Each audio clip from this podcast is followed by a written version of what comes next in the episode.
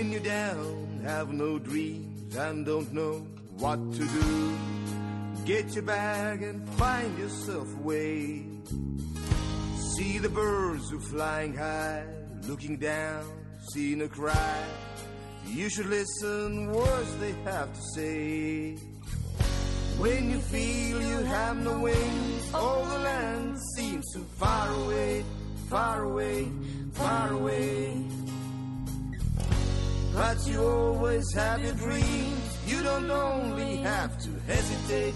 Don't hesitate, don't hesitate. Yeah. tere õhtust! vabriku seminari kahekümne kaheksas saade on eetris ja, Juku-Kalle Raid on meil külas, aga enne, kui me asume asja kallale, toetajad, annabis.ee, kanepil põhinevad looduslikud tooted, praegu on jõulukampaania, jõulukood on jõulud suure tähega, suur J-täht lööge sisse siis, kui ostate sealt midagi, siis jõulud. nii, Kammerteatri mängukava november kakskümmend üks, kakskümmend kaheksa november Kivirähki Sinised kilesussid jalas, Indrek Taalmaa taas kehastub ümber kuues-seitsmesse rolli. Edmund Pööki seltsil läks üleeile üles Richard Tarnase, Rupert Sheldrake on meie aja üks kõige selgema mõtlemisega teadlasi, selline klipp. et jälgige ka Pööki seltsi kanalit Ring podcast, sinna subscribe ige ja ühtlasi ka Ursula Petersoniga Jungi seltsist või, või noh, siis tänapäevase nimega analüütilise psühholoogia seltsist. saade pealkirjaga Unenäod läheb üles peatselt. Niimoodi ja hakkame siis saatega pihta, tere Juku! no tere, tere, Sarko! kuule, selline asi, et Aeg ja vesi, luulekogu islandi keeles tõlkinud koos Askur Aladiga, mis see tähendab? seda see tähendabki, et, et see on tõepoolest islandi keeles, see on Stein Steinar, see on üks vaieldamatuid Euroopa luuleklassikuid. ja ta on ka väljaspool Islandit ikkagi äärmiselt, äärmiselt tuntud, noh, ta on saanud näiteks Elliotilt mõjutusi, mida ta ise ütleb, mida küll näiteks mina kirjandushuvilisena küll väga välja ei songi, aga noh, nii on ta oma intervjuudes öelnud. see Aeg ja vesi on tema äh, tuhande üheksasaja neljakümne neljandal aastal ilmunud raamat, kus on kakskümmend üks sellist noh, väga mütoloogilist, äärmiselt äh, põhjamaiset, karget, äh, aga lahvanduslikult sügavat luuletust, no tõepoolest, see on, on vägev asi aga ma saan aru, millele sa vihjad, eks ju, et Askur alas, Askur on õppinud ei, ma ei vihja, ärme hakka isi-, mind huvitab see, et kus sa islandi keele ära õppisid? vot ei õppinud, et äh, muuseas, et kui sa räägid ükskõik mis tõlkijaga, siis äh, väga paljud on teinud kahe peale mida. Google Translate'i? E, Google Translate'iga ei ole selle luuletaja puhul küll paraku mitte mõmmigi peale hakata. aga kui sul on Google Translate'iks Askur Alas, kes on Islandil õppinud ja, ja, ja noh, valdab islandi keelt vabalt ja teeb kogu aeg Islandi ekskursioone ja noh, ühesõnaga elab nagu poole kohaga Islandil, siis temal on see asi käpas, küll aga ei oska ta luuletada. nii et ähm, see tõlge on siis nii, et noh, tehniliselt käib see siis niimoodi, et ma võtan äh, kõik inglisekeelsed variandid, mis on tõlgitud, mis on äärmiselt ebatäpne, sest ükski tõlkija ei ole ajanud seal luules taga äärmiselt vajalikku irdriimi ja silpide arvu. et ma Askur, loen läbi islandikeelset, ingliskeelsed tõlked, eks ole, ja siis Askur loeb mulle selle ette islandi keeles umbes tuhat korda, nii et mulle jääb see pähe kõlisema ja siis ma, teeb mulle sõnasõnalise tõlke ja siis ma hakkan eestikeelseid silpide arvu, irdriimi ja muud niisugust sinna sobitama, et see on üks see on üks igavene jama, et, et me praegu tõlgime ka ühte Islandi luulesaagat, et Käsmus on siis see Kirjanike Liidu suvila, et, et Aha. seal, seal veedame küllaltki alkoholivabalt aega, sest et luule eh, nõuab päris korralikku täpsust. ja ütleme siis islandlased, kellel on siis ette loetud seesama tõlge eesti keeles mm, -hmm. et noh, kuidas see kõlapilt on, eks ole ju, et, et kas ta eh, vastab foneetiliselt enam-vähem tõele Äh, siis siiamaani on näiteks äh, kunagine Islandi välisminister Hannibalsson, äh, kes siis tunnustas Eesti iseseisvust esimesena, eks ole ju. ja tema tütar Golfina, kes on ka oluline äh, poliitiline figuur äh,, need on olnud väga rahul ja üldiselt eks see tuleb ka nüüd kas siis Loomingu raamatukogus või eraldi raamatuna välja koos hästi põhjaliku äh, eessõnaga, mis käsitleb laiemalt veidikene Islandi luulet, mis pärineb, eks ju, saagadest, saagaaegadest, kuni siis lõpetabki selle Steinsenari elu ja öö, olulise, olulisuse põhjendamisega selles kultuuris. ja sul on veel ka mingi suhe eepostega, ma panin tähele, kui ma uurisin mul on suhe e-postega küll, esiteks e-posted on noh, mul on eelkõige lugeja suhe e-post, e-postega. ei, sul on ka kirjastamissuhe ja Kirjast... kirjutamissuhe ja Ki e, e, jah, et kirjastamissuhe on küll, et sa ilmselt pead silmas Poola rahvuse e-post Pantadeus, eks ole, ja mis on siis minu vanaisa Aleksander Raidi tõlgitud, noh, see, ta ise pidas seda oma elutööks ja vahetult ennem oma surma, tuhat üheksasada kaheksakümmend kolm ta selle lõpetas aga kuna Poolas oli eh, sel hetkel just läbi maha surutud, eks ju, solidarnosti liikumine, siis muutus igasugune Poola rahvuslus, mis on siis ka rahvuseepos loomulikult, muutus Nõukogude Liidus noh, pehmelt öeldes ebasoovitavaks ja nii ta jäi siis seitsmeteistkümneks aastaks eh, kirjastuse valgus vedelema kuni siis aastal kaks tuhat ma siis selle üles kraapisin ja, ja ta siis äh, ära avaldasin Jüri Palmi fantastiliste illustratsioonidega. nii, ja nüüd me jõuame siis sinu enda eeposeni eelarve. no see on Freikogu rahvuseepos. Et räägi äh, sellest. sellest äh, jah, ta on, ta on teistlaadne, et kui me võrdleme, eks ole ju näiteks Pandadeusega või Kalev-Olaga. aga nagu igasugune mütoloogia põhineb no näiteks kui kui tõsielusündmustel? see põhineb täiesti tõsielusündmusel, näiteks kui Panda Adeus räägib Poola šlahta tegevusest, eks ole ju, siis noh, Poola šlahtaga teatavasti võrdub meie Riigikogu. Ja minu Riigikogu rahvuseepos eelarve siis kirjeldab ühte perioodi aastal kaks tuhat kaksteist, kui võeti vastu kahe tuhande kolmanda, kolmeteistkümnenda aasta eelarvet. Ja mina olin Riigikogu liige parteituna äh, Isamaa Liidu fraktsioonis. Ja see siis oli konkurentsitult äh, kõige äh, ajamahukam eelarve vastuvõtmine siiamaani Eesti ajaloos, kestis kusagil kuu aega. Raamat ise on läbi no, ööistungid, ühesõnaga, see on ööistungite idiootsus. no raamat ise on läbi, mul ei õnnestunud teda siia täna saada. see on läbi müüdud, jah. aga oleks võinud raamatukogust võtta, ei jõudnud, et, et aga et räägi, mis seal toimus siis, et see oleks päris huvitav, ma ei ole lugenud seda. noh, selle asja nimi on lühidalt öeldes juntimine, mis tuleb ühest Eesti poliitiku, tuntud Eesti poliitiku Arvo Junti nimest, kes siis kuna meie parlamentaarne töörežiim on selline, et näiteks inimesed, kui nad tahavad venitada mingit eelnõu punkti. see on see venitamine. no see on venit-, venitamine, aga kuna on, meil on niisugune jama, eks ole ju, paljude poliitikute õnnetuseks, et üle kolme minutit sa kõnet, kõnet ei saa pidada. sest kunagi esimese vabariigi ajal, noh, ütleme jah, tinglikult esimese vabariigi ajal püstitati mingi rekord ma ei tea, kas kolmetunnine kõne või noh, ühesõnaga sa saad nagu teistel juhet kokku jooksutada, lihtsalt kaikaid kodarasse loopida ja otsida siis noh, ühesõnaga üritada siis oma eelarvet nagu peale suruda või noh, mis on siis sinu partei nägemus, eks ole, noh, see on maailmas küllalt levinud praktika, näiteks Suurbritannias tuleb mulle kohe meelde, ma aastat sulle peast ei ütle, aga äh, see oli siis äh, kuidas Suurbritannia siis parlamendis äh, ronis pulti keegi saadik, niisugune auväärne lord, kes luges ette kogu kuradi Suurbritannia telefoniraamatu pöördudes nagu kõikide kodanike kes oma kust tema juntit tead või? tema te,, vot tema sai niimoodi juntida, sest Suurbritannia seadusandlus võimaldab sul lugeda ette paksu, telliskivi paksuse telefoniraamatu, mis kestis noh, nagu mitu ööpäeva, see jama, eks ole ju. muudkui luges neid nimesid ette, kelle poole ta pöördub, eks ole, alljärgneva avaldusega.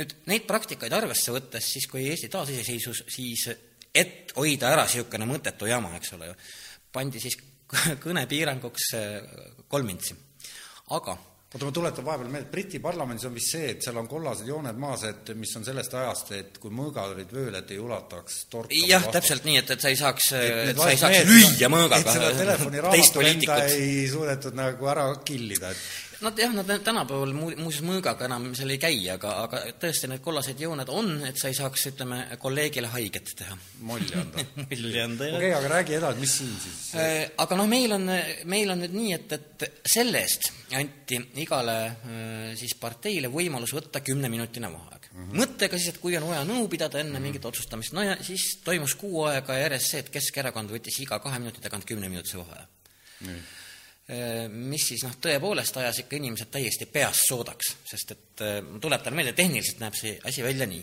et koalitsioon, kes tahab eelarvet vastu võtta, opositsioon pidurdab, et noh, et, et jumala eest võimalikult rohkem sitta keerata. aga ütle ka see põhjus, et mis seal see, see oli seal nagu kõik, oli see põhimõtteline, oli see ühe asja ümber, oli seal see, seal oli neid Lihtsalt-, seal oli neid asju ilgelt palju ja nad tahtsid, ma peast ei mäleta, mida nad tahtsid sisse pressida sinna eelarvesse ja seetõttu pidurdasid kogu seda aga ikka kogu saal teadis, mille pärast see käib või, või oli ikka, ikka, ikka, ikka, ikka, ei, ei noh, teadis küll, aga eks see kippus juba esimese kahe öise tunni jooksul ununema, sest et noh, need asjad käisid hommikul kella viieni. puhvet oli avatud puhvet oli kogu aeg avatud. siis see olukord, ütleme, eskaleerus ka. E- e- olukord eskaleerus, inimesed muutusid järjest lollimaks iga minutiga ja siis ma hakkasin kirjutama blogi, et noh, mis toimub, õigete nimedega ja ja kolm kohtuasja ähvardasid mind lausa, aga nad kahjuks võtsid kõik tagasi. sest ma ka- kasutasin õigeid nimesid ja siis mingeid teatud epiteete, mida ma siis kutsusin töönimedeks, noh näiteks äh, lugupeetud rahvasaadik Marika Tuus-Laul, Keskerakonna üks e- noh, tunnustatud esiloll, selle nimi oli Nüri Knopka töönimega, eks ole, ja siis noh, Stalnuhhin oli asjatult inisev ema ja ja need olidki nüüd vist kõik kohtuasjad või? no need nimed jah, et, et, et äh, ei, ma ei mäleta, kas see oli Tuus-Laul või oli see Kadri Simson, aga noh, keegi Keskerakonnast ikkagi hirmsasti pettus, ühesõnaga saadik Raidis ja ja siis Õhtulehes oli väga tore, pärast nad käisid, kui ma blogi pidasin parasjagu, käisid siis opositsioonisaadikutelt küsimas, mida te sellest Raidi kirjutisest arvate, siis noh, Simson ütles, et see on selline halearmas lugu, et tundub, et poiss on üritanud või noh, proovib internetti täis kirjutada, et noh, aga ma ei ole tema loominguga üldse kursis, ma pole kunagi lugenud, mis oli muidugi täielik jama, nad kõik lugesid seda. ma jooksvalt tegin kogu aeg sissekandeid kirjatööistungilt, lihtsalt, et inimestele muljet jätta, kui tüber võib olla parlament, kui noh, selliseid aga mis seal siis ikkagi toimus, ma ei ole lugenud seda, et mi- mis seal, mis seal toimus konkreetselt? No mis konkreetselt seal tehti, toimus- nad seal puhvetis, ma saan aru, mis toimus, aga nüüd äh, selle tagajärjel, mis toimus? selle tagajärjel äh, toimus nii, et ma ütlen veel kord, et inimesed, noh, ma soovitan selle raamatu läbi lugeda, sest see, mis toimus äh, täiesti lingvistiliselt, et ma seal inimestele lauseid suhu ei pannud. Need, need, noh, need olidki niisugune unenäoliselt debiilsed, mida noh, inimene hommikul kell viis peale noh, muidugi ka hoolikat puhvetis istumist ajama hakkab, kas siis puldist, koridoris, suitsunurgas, noh, väga kes see puhvetit peab muidu seal, on see riigi oma? ei ole, minu teada, minu teada on see Demjanov praegu ah soo, kus erakonda tema kuulub? ta ei kuulu erakonda, aga seal on, selles mõttes on kõik väga okei okay,, sest et seal on äh, selline avalik konkurss selle jaoks, et noh, kes kõige paremat ting-, kes saaks nagu saadikuid joota, et siis peab konkursi läbima. sellega, selle eelarvega siis oli jah niimoodi, et, et äh, noh, jah, toimus ikka hästi palju jaburaid selliseid Monty Pythonilikke dialoogi, et noh, era-, eraldi kohe eriti paistis silma doktor Vassiljev mm, -hmm. kes oli, Peeter Võsa ei olnud sita pealt riisutud, noh, Aadu Must, palju-palju inimesi, aga noh, lolliks ei läinud mitte ainult opositsioon, vaid ka koalitsioon. sest ma tuletan meelde, opositsioon ei pea sellel ajal ju majas viibima, seal on vaja saalis ühte inimest, kes võtab iseendale kümneminutise vaheaja, teised on ammu kodus. ühesõnaga, tõmmatakse loos ja visatakse üks vend enam-vähem, jaa, et, et noh, ja aga koalitsioon peab olema nii, et oleks kogu aeg üle viiekümne ühe hääle, eks ju, saalis, vähemalt viiskümmend üks matsi peab kogu aeg ja siis noh, seal neid ööistungeid on ennegi olnud, minu meelest oli Lauri Vahtre, kes taris sinna kunagi kummimadratsi ja pani siis selle sinna rõdu alla, kus ta käis pik-, pikutamas, noh, ja see on täpselt see koht, kus eh, kaamerad eh, ei näita. nii et ta sai salaja, salaja salaja magamas käia, pimedas nurgas, jah, salaja magamas käia. ja üldiselt oli kõikidel oli kummimadrats äh, kaasas ja siis äh, koalitsioonis, noh, Isamaaliidu fraktsioonis nägi siis asi välja nii, et loositi, kes parasjagu on valves, eks ole, ja kes tohib koju minna, noh, nagu tõeline pioneerilaager, pasteerimist ei olnud ainult. et äh, ja võib- kaua see jama kestis siis? kuu aega, umbes kuu aega. ja, ja iga päev, noh, istungite päevadel, sest et mit-, no see võis nii olla, et kolmapäevane istung lõpeb reedel, et nonstop on. vahepeal võetakse mingi paaritunnine vaheaeg ja No inimesed käivad maikat vahetamas. tuleta nüüd meelde, sa olid Riigikogus ka kuni kahe tuhande neljateistkümnenda. jah, kaks tuhat üksteist kuni neliteist. et see oli siis see oli kaks tuhat kaksteist. kaks tuhat kaksteist. see oli kaks tuhat kaksteist, kui võeti vastu kahe tuhande kolmeteistkümnenda aasta eelarvet. nii et ütleme, poliitika pakub äh, päris piisavalt musta huumorit ja muuseas täna on just antud hetkel, ma rääkisin ennem Kaja Kallasega, on, on parasjagu äh, käsil järjekordne eelarve vastuvõtmine, ma ei tea, kaua nad seekord istuvad.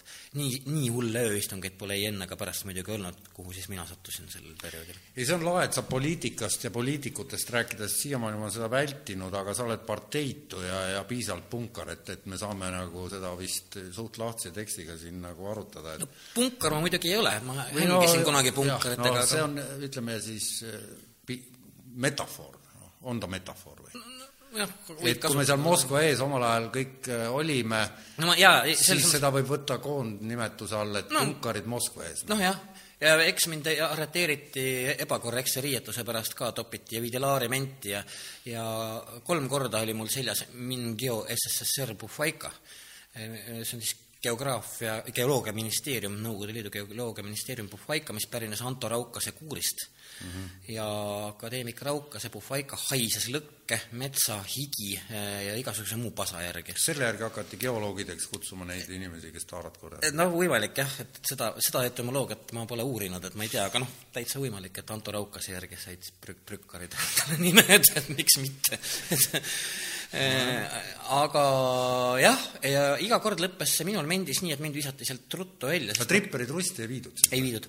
Äh, mind visati kõige varem alati välja, sellepärast ma küsisin, mis teil on äh, Nõukogude Liidu Geoloogiaministeeriumi vastu, et seda asja me veel vaatame, et helistan Teaduste Akadeemiasse, mille peale ma sain kohe tala, teised punkarid jäid sitsima et selle jutu peale ma tahaks seda küsida, et nüüd meid kuulavad, äkki kuulab mõni noor inimene ka, kes on ei usu.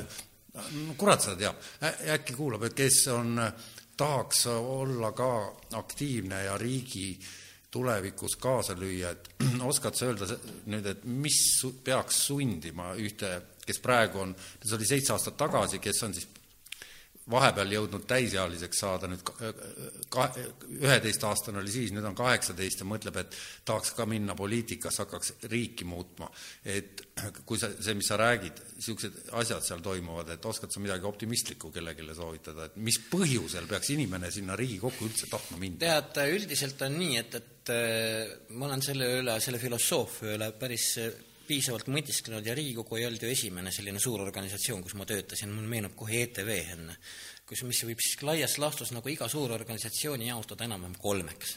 Mm.. et noh, kolmandik on mingid täielikud idioodid, kes noh, ei, saa aru, kus nad on, miks nad on, mida nad teevad, siis kolmandik on noh, nitševuu, on ju, ja siis kolmandik eh, inimesi teeb tegelikult ära ka selle kahe kolmandiku töö et see on nagu kolmandik? no umbes nii, noh. seda on väga palju, reegel on ju kakskümmend, kaheksakümmend ja see on optimistlik no, reegel. see on noh, jah, et võib-olla, et, et ma ju ei, ei, ei suuda kokku lugeda, et iga inimene mm. ainult ei laiskle või ainult ei tee tööd, aga noh, ta on nagu mängis okay, aga lais, nagu Ardo Aasmäe kunagi jah, mainis, tema mainis ka seda kahekümne, kaheksakümne protsendi lugu, aga äh, palju, ütleme, arusaadavama näite põhjal, nimelt tema väide oli see et, et kakskümmend protsenti inimestest joob ära kaheksakümmend protsenti viinast.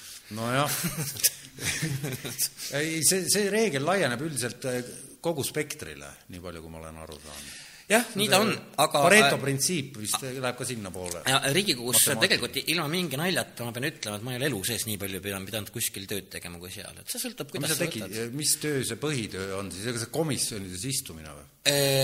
Muuseas, komisjonis istumine, see võib kõlada naljakalt, aga sealt sünnib seadusloome. oota, aga naljakalt kõlab hoopis see, et sa kuulusid, kui me hakkame A-tähest pihta, Albaania, Aserbaidžaani, ma vaatasin järgi, üheksa see sõprus või mis ühingud sõprusrühmad. sõprusrühmad.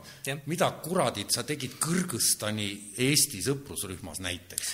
Kõrgõzstani Eesti sõprusrühm oli hästi oluline, sest tegelikult Kõrgõzstan hästi oluline? ma ütlen sulle, et see on hästi oluline ja kohe sel-, selgitan, see on Kõrgõzstani seisukohalt küllaltki oluline. ja tegelikult ka Eesti seisukohalt. me ei, ei maksa unustada, kui tegemist on endise NL-i kultuuriruumiga, kus me näeme kõvasti Vene mõjusid, noh, geopoliitilisi ja te ju nii palju olete ringi vaadanud kõik, et, et me näeme, et Venemaa ei ole lõpetanud ohtlikku olemist.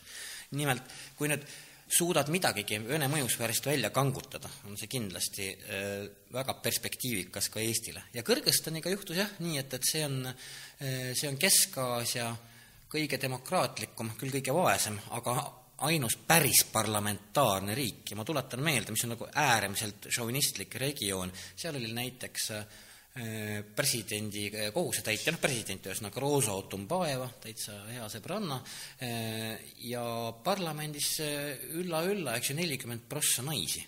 et täiesti, palju meil on? ma ei tea, mis meil praegu on, aga, aga seda on alla veerand ikka. noh, et, et jah, kindlasti. no mulje on, on rohkem. no võib-olla selles viimases koosseisus ei, ma viimasest ei ole eriti midagi. kui, kui mina olin Riigikogus, siis oli no see maksimum veerand või viiendik. noh, hea, heal juhul, kurat, kas oli paarikümmend naist, ma sügavalt kahtlen, aga noh, seda saab öö Riigikogu no ja, ja see ei ole kantud, igaüks saab ise guugeldada mm -hmm. ja uurida seda asja, et aga jah, et me jäime sinna, et mis siis noori peaks nagu motiveerima, sest me ju tahame kõike, et, et see asi läheks paremaks no ja. selleks ongi seadusloome, et tegelikult mingid ra nüüd... rauga, raukasid me ju sinna ei taha, me tahaks ikkagi, et tuleks ju jah, et äh, see, see on, äh, inimesed satuvad Riigikokku äärmiselt äh, erinevatel eesmärkidel ja e-, erinevate agendadega, et, et noh, lüüa mingi ilgelt laia lauaga, et kõik poliitikud on tõprad, siis see on nagu täiesti mõttetu jutt, noh siis sama hästi võid seda kokku ei no see jutt ei, ei, sel ei ole mõtet sest on aga eks ta on läbilõige läbilõige, ta ongi ühiskonnast, midagi pole parata, sest me ise oleme valinud. on, on, on, on, usu mind. valimised näitavad ikka täitsa täpselt ühiskonna vaimset tervist. kas meil on selline ühiskond on küll. mis sa siis arvasid? ma arvan, et on parem. ei usu. Sest ütleme, et, et kui mõned tüübid, kes on targad ja jätavad hääletamata, siis lõppkokkuvõttes nad võimendavad tegelikult sedasama lollust, mis Toompeale satub, et, et seda, seda kiputakse ära unustama aga, äh, aga on olemas väga palju normaalseid seadusi ja nüüd mõtleme nüüd loogiliselt, kust see tuleb, need tulevad. Need, need ei tule Euroopast, muuseas Euroopa ei kirjuta Eesti seadusi. mingi kaheksakümmend prossa tuleb ju sealt mine nüüd. mul arust üks vend, eh, jurist ei. oli ta ja ütles, et ei ole, ei ole. direktiivid ja kogu see kamma direktiivid ei ole kohustuslikud. lõpuks on see, et, et mingid direktiivid võivad sattuda mingisse komisjoni ja siis komisjoni kaudu suurde saali hääletamiseks. et noh, niisugust asja ei ole olemas, et kusagilt tuleb mingi direktiiv, mis hakkab Eesti jaoks kehtima. me saaksime Need... teha kõik seadused enda käe järgi sada protsenti jaa, absoluutselt, sest kõik seadused, Eesti kogu seadusloome on läbi hääletatud suures Riigikogu saalis. nüüd kas me oleme sellega rahul või mitte, see ongi see, kelle me oleme sinna valinud, et mis nuppu nad pressivad. vot kes valetab ja kui suures mahus siis, et mis Euroopa Liit siis meid ahistab nii pööraselt? ei ahista ju. aga mis nad siis soiuvad kõik? Äh, noh, ma näiteks viimasel ajal soiub EKRE, kunagi soigus Keskerakond, eh, sest alati on olemas mingi terve rida inimesi, see on elektoraat, eks ju, see on tegelikult maasedele papp või ja. võim, mm, kes võrdlevad näiteks Euroopa Liitu Nõukogude Liiduga, mis on noh, üks kõige idiootsemaid võrdlusi, mida, mida üldse saab olla, see on nagu noh, võrreldakse rubla euroga ja mida veel no.. kuule, Igor Gräzin rääkis te, mingis saates, kuidas ise istus Euroopa Parlamendis Igor... ja ütles, et kurat, et, et see oht ähvardab siit, mitte Venemaa poolt. Igor Gräzin on väga tark populist. ta on väga, väga hea sõber, kusjuures. no aga siis seleta, miks ta niisugust juttu räägib? sellepärast, et tal on elektoraat, kellega ta suhtleb läbi sellise jutu. see on jumala konkreetne grupp inimesi, sellepärast niisugust paska aetaksegi, et sellise, sellise valija hääl kätte saada. see tark mees, sinu sõber, et saada hääli, on nõus ajama iga, igasugust iba. nii on. kuradi poliitikud. no vot jälle, et, et jälle läks nagu väga laia lauaga. kõik ei ole Igor Gräzinad, eks mõned on. Ja, ja poliitika ja populism käivad kokku, sinna ei ole midagi parata, et, et see on üks demokraatia selline noh, kuidas ma ütlen, selline ütleme, võib-olla nukraks tegevalt huvitavaid kohti, aga ega paremini ei ole ka võimalik sest noh, lõppkokkuvõttes ikkagi terve hunnik seltsimehi tahab kuulata ühte asja, hunnik seltsimehi teisi asju eh, ja kolmandaid ja neljandaid ja siis vastavalt sellele tihtipeale aetakse mingit eh, ilget soojaudu. no võtame näiteks meie peaminister Jüri Ratase, kas sa oled ta ühestki lausest aru saanud? ma ei ole neid väga palju kuulnud. ma huviga kuulan alati ja siiamaani ei ole mõtet tabada suutnud. sa räägid, et nojah ei no tema ainukene äh, täiesti mõistetav asi, äh, üheselt mõistetav asi on see, kui ta räägib, et äh, tema jaoks on kõige tähtsam parlamendi töörahu, vot nii. see on nagu kõige konkreetsem asi, muu on nagu Kas Arnold Rüütli suust kukkunud. stabiilsus ka kindlasti Sta. jah, stabiilsus ka see on selline see on ka väga oluline. väga samm väljend. on, on aga ja kui Jüri Ratas oli veel Edgar Savisaare kingades, elik Tallinna linnapea, siis kas mäletad, ta rääkis ju Edgar Savisaare häälega naljaga, ta oli ikka tõeline inkubaatori poiss, muuseas, ma olen ta lapsehoidja olnud kunagi. kui tema oli kolmene ja mina ametlikult, kuna meie vanemad on kursakaaslased, geograafid. ja siis oota, Jüri oli kolm, mina viis ja siis, kui ema pidi, Jüri ema Urve Ratas pidi tööle minema, siis mina hoidsin Jüri Ratast ja juba siis oli ta väga igav, ei teinud kunagi pahandust. hiljem hakkas rääkima Savisaare häälega, kui oli linnapea, ütles eh, rohemassiiv. Ta kutsus nimelt jah, metsi ja linnametsi ja parki rohemassiiviks. ja me kunagi Toomas Kümmeliga tegime talle Kuku raadio otse-eetris ka märkuse, et jõle piinlik on kuulata geograafide poega rääkimas Savisaare häälega ja nimetamas puid rohemassiiviks. no jaa, aga no nüüd tal on ikka seda staaži juba nii palju, et enam ta ei räägi Savisaare häälega, see vastab tõele. jah, aga muuseas, kas sa tead, mis ta hüüdnimi oli lapsena? Kus mina tean. Äh, aga ma ütlen sulle. No siis, kui ta oli kolmene, mina viiene, ma teda hoidsin, siis ta, ta ei öelnud, et ta on Jüri, vaid tema, ta arvas, et ta on Udi. Mm.. nunnu nimi iseenesest, miks Si, mitte? sina olid viiene, tema oli kolmene ja nüüd me sellest räägime, et nagu sina olid siis juba suur poiss või, sada täita. võrreldes kolmesega ikka noh, et või, võis panna last, võis panna last nojah, sa olid kaheaastane juba, kui teda polnud veel sündinudki. no muidugi, Täitsa uskumatu. sel-, milline vahe selles vanuses, mõtle nüüd loogiliselt. see on täitsa lõpp. absoluutselt, kolmandik elust vanem. Okei, lähme ta üheksakümne, kuuekümne aastane, noh. nojaa, aga praegu on ta ikka püsti hädas selle asjaga, mis toimub, et, et nüüd, kuna selles saates on, et ma teen niisuguse erandi, et, et tõesti me saame poliitikast rääkida, et siis paneme täie rauaga. et mis seal, mida, mis, mis, mis sa arvad, mis, mis seisus ta on, et täna, tänases Postimehes ma ise ei lugenud, aga ma kuulsin, et Jaak Jõerüüt, sinu sõber, oli kirjutanud väga hea artikli, kus ta oli Jõeret üldiselt kirjutabki häid artikleid. ja ei, mul tuli see Kommari särgi teema no kommarite särgile ma panin ta küll ja ta astus ka sellepärast tagasi No jaa, aga see, see, ütleme, ütleme küllaltki äh, aus periood Eesti poliitikas tundub läbi olevat, üks minister äh, sellepärast tagasi astub, et ta satub mingite haigete kommaritega ühte paati särgi peal. no tegelikult ta oli kunagi Kirjanike Liidu partei funktsionär, sellepärast ma sinna panin no, nojah, sest et ta ei ole ju vist üheski parteis olnud nüüd vabariigi ajal või on mm.? Vot no tegelikult ei olegi see, me, me läheme teemast kõrvale, et, et ta kirjutas päris hea arti- või väga hea artikli, nagu mulle öeldi, ja seal oli niisugune lause, et see praegune valitsus on nagu teki all peapidi, et, et nad nagu üldse ei saa aru, mis, mis nad teevad ja mis toimub. et, et, et miks, ma ei tea, miks ma selle lau-, no see kuidagi kattub sellega, mis ma ise mõtlen. ma, ma, ma ei mäleta, kes seda ütles, aga minu meelest on see, see palju tabavamalt äh, öeldud lause, et äh, Jüri Ratas on peaminister EKRE valitsuses nojah, seda, seda on räägitud jah, et, et ta peab vabandama kogu Ko- aeg. noh, tema töö on see, et juba hommikul kell kuus hakkab ta voodis vähkrama, eks ole, sest ei tea, millega, millega püha kolmainsus Helme, Helme ja Ernits või Helme, Helme ja Põlluaas on hakkama saanud, millise avaldusega, eks ole, ta ärkab ülesse ja esimene asi läheb tööle ja siis ta peab pool päeva vabandama kõikide asjade eest, mis vahepeal on öösel juhtunud. räägi mulle see, ma ei ole tõesti kursis, et sina ilmselt oled, et et, et kas need, need, need mõned inimesed noh, ei moodustu, EKRE-s on ikka väga palju rahvast ja suurem osa on ju endised rahvaliiklased või üldse maainimesed, kes ei, ilmselgelt ei ole, ei tegele poliitikaga, et noh, et, et, et kuidas see, need tüübid lihtsalt nagu julmalt äh, teevad, mis tahavad? no ta ongi äh, nii-öelda Rahvaliidu ripats, kes on siis äärmiselt rahvuslikku äh, vormi riietatud, et ütleme, küllaltki vasakpoolsest ja niisugusest punasest jurast, mis Rahvaliit ju oma loomult, eks ole, oli, nagu ka Koonderakond, sellest on siis äkki saanud selline äh, parajuslikult marurahvuslik, äh, Eesti asja ajav, niisugune noh, Arnold Rüütli vapiloomana ees, eesotsas, eks ju, kes, auesimees. no ja, ja kes, no muidugi auesimees ja kes alati ju noh, siis on paljudel inimestel on see pilt silme ees, kuidas väike Arnold Rüütel, kui ta nägi esimest korda Saaremaal okupatsioonivägesid, tal olid juba siis hallid lokid, eks ole ju, ja ta seisis maja katusel, surus käsi rusikasse ja mõtles, et ükskord te lähete siit sama teed pidi tagasi, eks ole.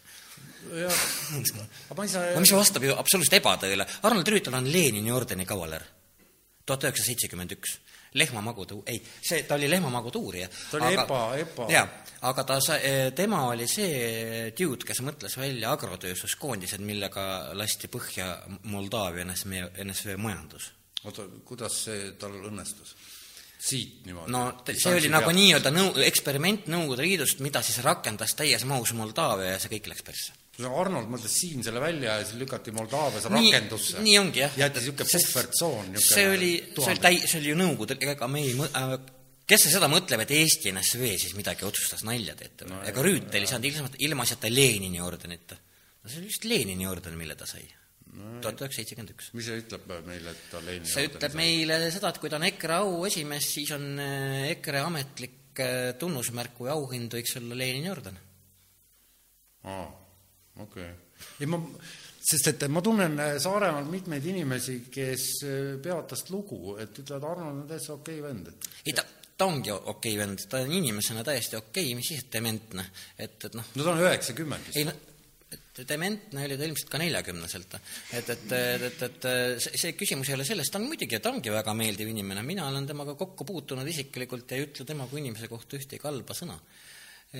ma pean küll lihtsalt noh, rahustama neid, see vastab sügavalt ebatõele no, nii seda ei olnud ja peale selle ma võin rääkida Rüütlist ühe ilgelt lõbusa loo. räägi. See juhtus siis, kuna Toomas Hendrik Ilves sai presidendiks, see oli vist kaks tuhat kuus, jah, ja Rahvaliit toonane, kelle kandidaat oli Arnold Rüütel presidendi koha peale teist ametiaega, eks ole ju, olid katnud siis Radisson hotellis võidupeo, aga mingi paari kolme või kuue häälega, ma täpselt ei mäleta, muutus võidupidu ootamatult kaotuspeoks. Ja me Toomas Kümmeliga tegime parasjagu ühte filmi, kuhu oli vaja siis Rüütlilt kommentaari saada, aga meid ei lastud sinna kaotuspeole sisse, sest me olime kahjulik element, kes kindlasti tuli Rüütlit kiusama, eks. ja visatigi juba ukse peale välja koos kaamerate ja kõigega ja, ja midagi ei olnud parata, siis ma helistasin ühele oma tatarlannast sõbrannale, Daljale, Dalja Tarasovale kuueteistaastasele tüdrukule, kes kutsusin ta kohale, ütlesin, et nüüd võtad sina, vahetasin kaameramehed ära, võtad selle paganama kaamera, eks ole ju, ja ah, aga kus, kus kohas ma pooleli jäin? mis nüüd juhtus siis?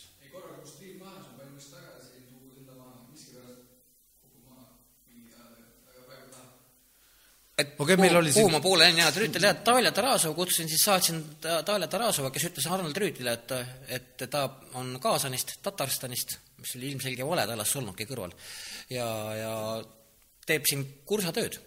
ja ütleb, et mis nüüd juhtus Eestis, et mina teen kursatööd, aga teil oli täna presidendivalimised, mis nüüd juhtus? А они говорят, что этот новый президент, это проклятый американец, а вы старый пердун коммунист Staris, Perdun, noh, vana peerukott, kommunist on ju. ja, ja siis Rüütel tõmbas oma halli pintsaku sirgu ja ütles, kohe hakkas valetama, ütles esimese lausena, arvas, et noh, väike tüdruk Kaasanist, Tatarstanist, eks ju, sellele võib üks, ükskõik mis sitta ajada, mul on see lint siiamaani alles. nii et kui E- E- EKRE väga palju krääksuma hakkab, siis ma annan selle reporterisse. no juba andsid praegu, et aga seda saadet paraku nii, nii palju ei vaadata kui reporterit. no seda kindlasti.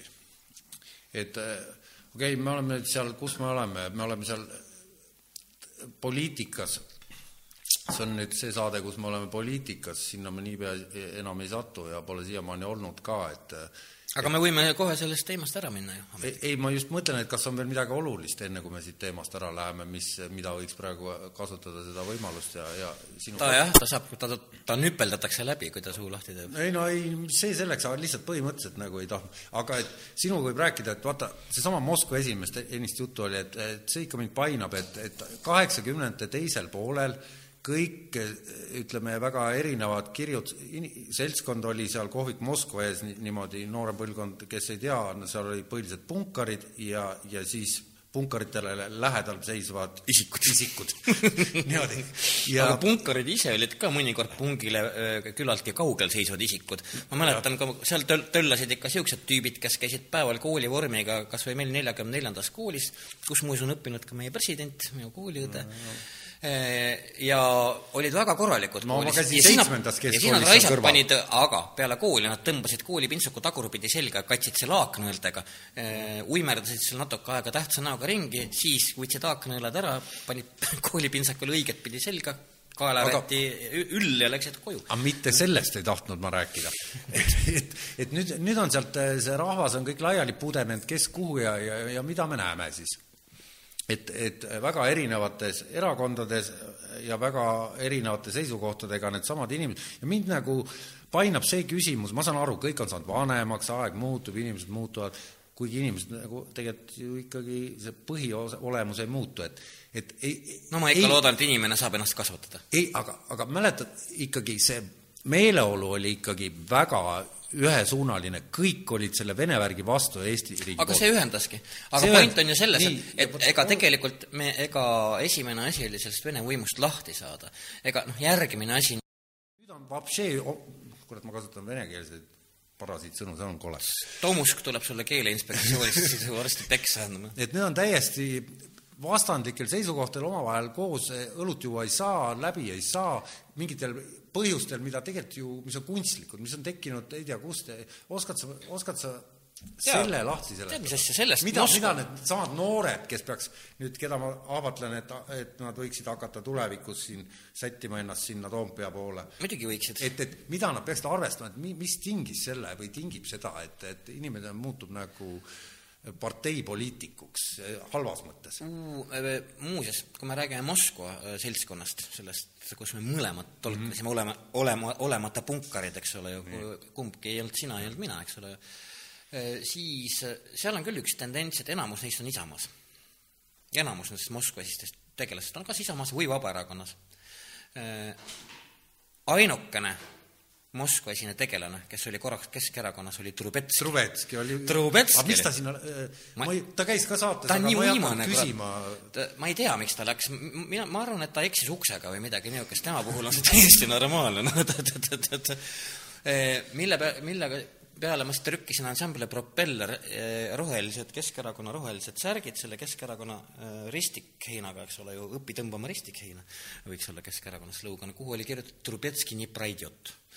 Ja Trubetskiga jätsid viivitamatult suhtlemise järgi kõik eh, paljud endised punkarid, kaasa arvatud, said oma tütre käest vastu päid ja jalgu ja oota, sa ja ta mingi paari ja ta mingi paari päeva pärast või paari nädala pärast astus sealt äh, mingi väga änkside vabanduste saatel ju välja ka sellest samast Keskerakonnast, äh, öeldes midagi noh, talle omaselt uimast, et äh,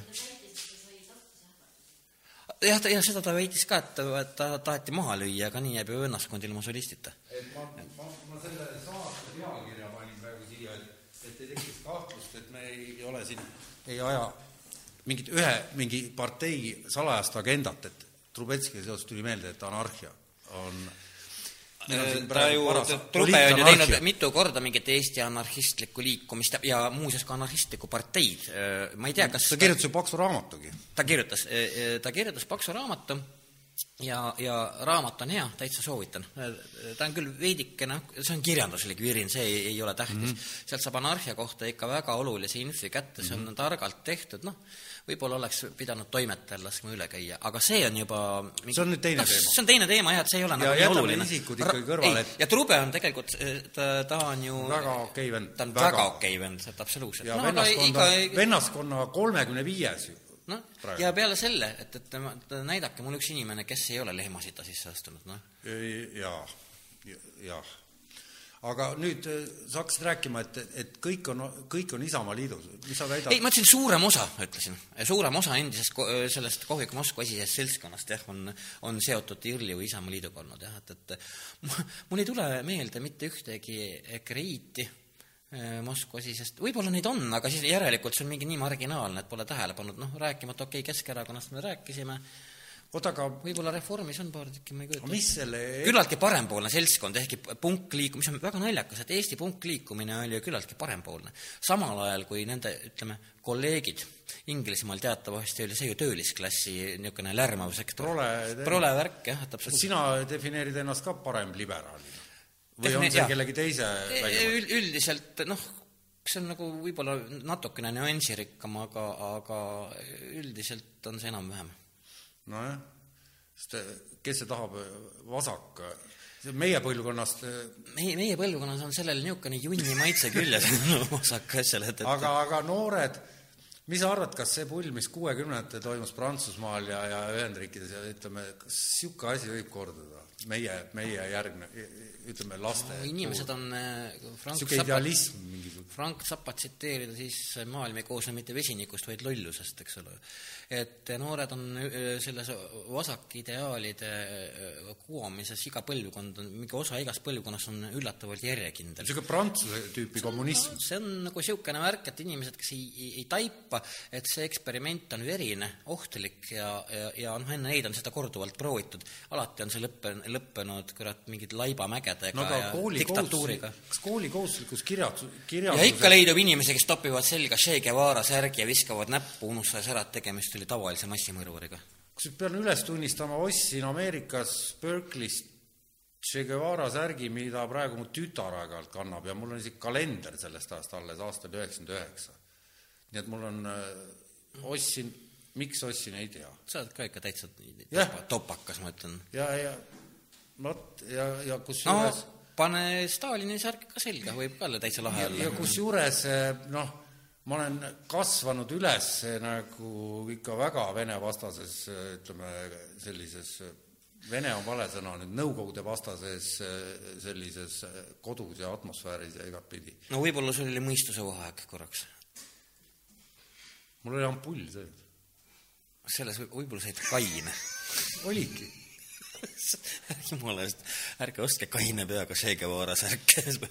ja noh, me ju teame kõik, millega need Sorbonni mässud lõppesid ja need Prantsuse üliõpilaste mässud, et No. et tegelikult said prillitatud õppejõud mulli, eks ole ju, siis ja sealt kasvas välja terve rida huvitavaid seltsimehi nagu Pol Pot näiteks, noh. oot, Pol Pot on, et ta, ta, ta on insener jah, ta, ta ei olnud, ta ei olnud Sorbonnis, aga ta oli mingis tehnikaülikoolis, aga noh, üldiselt see üliõpilase liikumine, see vasak liikumine hõlmas ju kõiki ülikoolis. ühesõnaga, siin nüüd jällegi kuulajatele-vaatajatele, kes võib-olla ei ole ajalootunnis veel seda peatükki läbi lugenud, et, et äh, Kambodžas toimus selline noh, maailma üks verisemaid siis et märatsemisi. tõenäoliselt nad said kõige paremini hakkama sellega, mida seltsimees Stalin eh, targalt õpetas, kui me räägime nüüd eh, kodanikkonnast ja protsentidest, eks ole ju.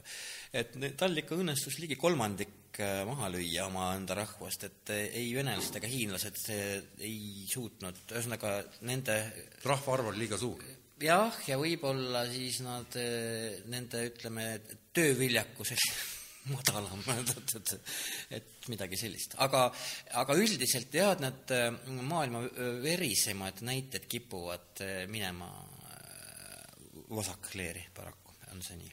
kusjuures ma just küsisin, oli külas mul Astrid Kannel siin ja, ja, ja ma küsisin siiralt ta käest, et mismoodi tema näeb, kes, me kõik teame, mis asi on paremäärmuslus, kes on paremäärmuslane, ka Kristi otsad tätoveeritud, mingid vennad karjuvad white power, aga et mis asi on vasakäärmuslus? Ja siis ta ütles sellise lause, et, et see on see, kui, kui sa leiad, et sinu maja all poes peab kindlasti töötama immigrant Liibanonist.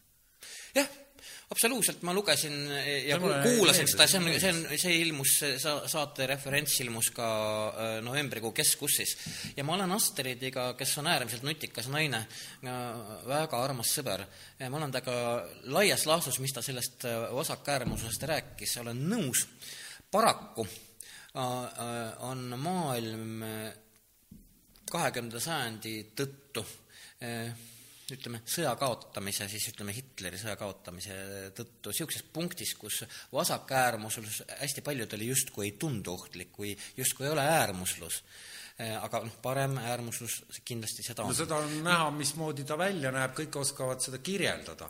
aga vasakäärmust on, lust on nagu keeruline, keerulisem no, kirjeldada. ei ole, noh, seesama Pol Pot, eks ole ju, kogu kahekümne sajandi või ütleme, kolmekümnendate Hiina ajalugu näitab Aga seda täna? meile. Aga täna on näiteks äh, selliseid äh, noorte seas just niisugust noh, kõva vasakäärmuslust, see on ikkagi kasvav tendents, aga seda jah, paraku ei meil peeta Eestis.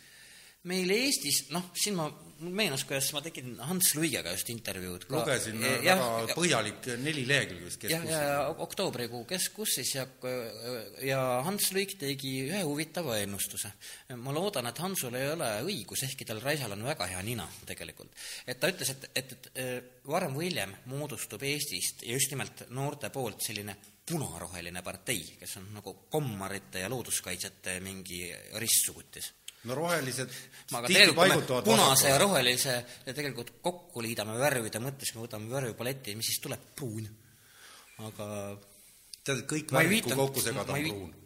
ma ei viitanud nagu väljaheitele niivõrd väga, kuivõrd äh, tegelikult Vormi pruun, sümboolikale jah, et, et mida me leiame tegelikult hitlerlikult Saksamaalt nojah, ja ka Itaaliast. aga ikkagi Eestis eh, praegusel hetkel vasakpoolsus, eh, noh, sotsid on vasakpoolsed? meie omad mitte. aga kes me, meil on no pead Andres Tarandit vasakpoolseks, Ivari Padarit.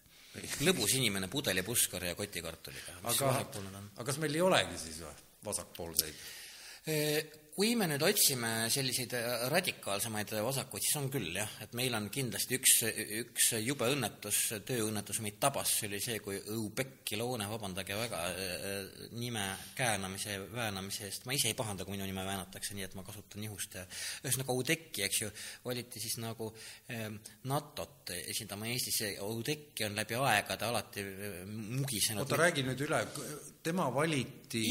Kes valis? määrati, ühesõnaga määrati? jaa, noh, No no selles on ei no teine asi. määras koalitsioon, eks ole ju, selles mõttes, eks kusagil toimus mingi arutelu ja mingi valimine toimus. EKRE leodis siit ka laua taga, ma vaatasin, et oh, see on nüüd õige inimene NATO-sse minema. ma ei muuseas, kusjuures EKRE on niivõrd populistlik, et ma ei julge seda nimetada ei paremaks ega vasakuks, vaid see on puhas populistlik liikumine, eks ole ju, mis võib siis, muudab oma nägu vastavalt vajadusele, eks ju, korda võib ta tõesti toetada Oudekki Loonet, kes on ju absoluutne mi- noh, ütleme küllaltki Eesti kohta küllaltki radikaalne vasakpoolne ja kes ja kes muuseas on ka suvatsenud eh, kõikide oma eelnenud eh, rääkimisaastate jooksul, eks ju, NATO-s ja üleüldse selles Lääne-Euroopa kaitsesüsteemi vajalikkuses kõvasti kahelda, sest et ta on nagu ilmselgelt selline Venemaa ja kindlasti ka prolesuunaline tütarlaps. kuule, aga siin tekib selline küsimus, et kui meil üldse keegi NATO-st, ütleme praegustest poliitikutest,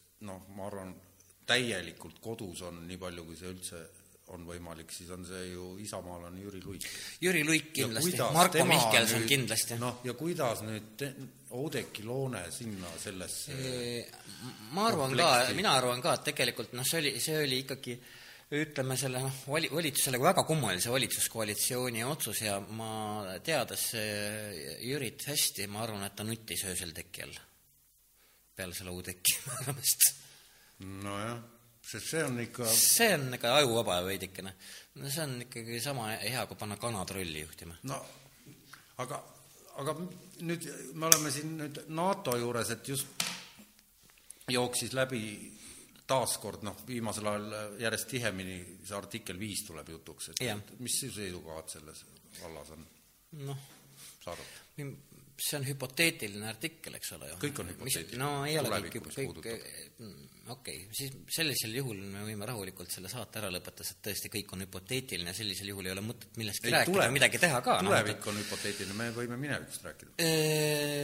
see artikkel viis on ju tegelikult äh, põhimõtteliselt oma põhiloomult heidutusartikkel, eks ole ju no ta on see, et et meil ei ole kunagi õnneks äh, vaja läinud äh, artikkel viite, mis siis tähendab, et äh, NATO liitlased tulevad appi, kui sinul toimub mingi sõjaline konflikt, keegi ründab. ja ma ise väga tahaks loota, et see artikkel viis töötab.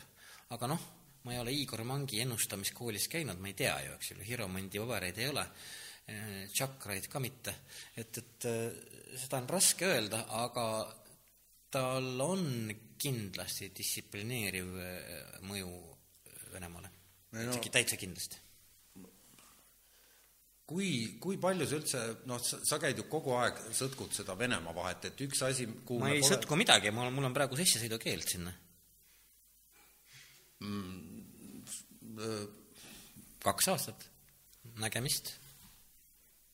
Vene Föderatsioonist käib jutt jah, ikkagi, ja Vene Föderatsioonist just nimelt. see tähendab ka Marimaad, Mordvat, Moksat, Ersat, meie kallid sugulasrahvaid, kelle juures ma just olin väga harjunud käima, et nüüd on sellega jah, mõneks ajaks nagu millal sa said selle? ma sain selle kevadel, kui läksin oma aastast viisat pikendama, siis saadeti mulle kõigepealt tühi pass tagasi, aga ma läksin siis tei-, teise konsulaadi kaudu ringi, noh, seda trikki on enne ka juhtunud, et mulle Eestis ei anta, eks ole, aga näiteks Rootsis antakse, eks ole. et noh, see sõltub, mis nimekirjas sa seal oled, kas sa oled nagu üle-euroopalises keelatud asjade nimekirjas või oled sa oled Eesti keelatud asjade, aga selgub, ma olen miskipärast sattunud üle-euroopalisse keelatud asjade nimekirja ja sealt ma sain tagasi passi musta templiga, mis siis tähendab seda, et, et selle passiga niikuinii ma enam Vene viisat taodelda ei saa ka siis, kui see keeld ükskord otsa saab. et noh, siis ma pean uue passi tegema no ja see aitab, arvad? kui see keeld otsa saab, siis aitab, kui nad seda ei pikenda, aga äh, selle, noh, selle kohta ma ei oska tõesti mitte midagi öelda. noh, see on nagu täitsa võimatu.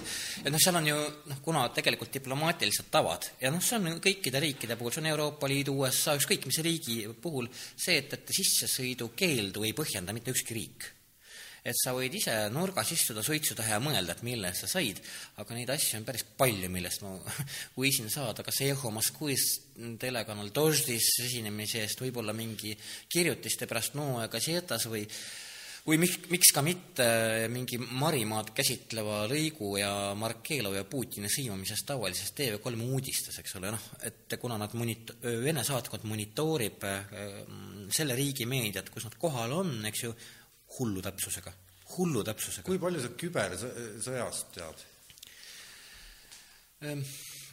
Kübersõjaga äh, meenub mulle muidugi ilgelt äge lugu, et, et justkui siis, kui ma olin Riigikogus ja väliskomisjonis ja aasta võis olla kaks tuhat kaksteist või kolmteist, eks, siis veel ei saanud Lääne-Euroopa aru, et, et niisugune tore asi nagu häkkimine ja kübersõda on nagu tõsised ohud, eks ole, et noh mis aastal sa räägid praegu? ma räägin kaks tuhat kaksteist või kolmteist. ma olin, ma räägin sulle, NATO küberkaitsekeskuses Hollandis. praegu see on Eestis? Praegu on Eestis ja üks, üks, üks osa on Eestis mm, -hmm. praegu on Eestis.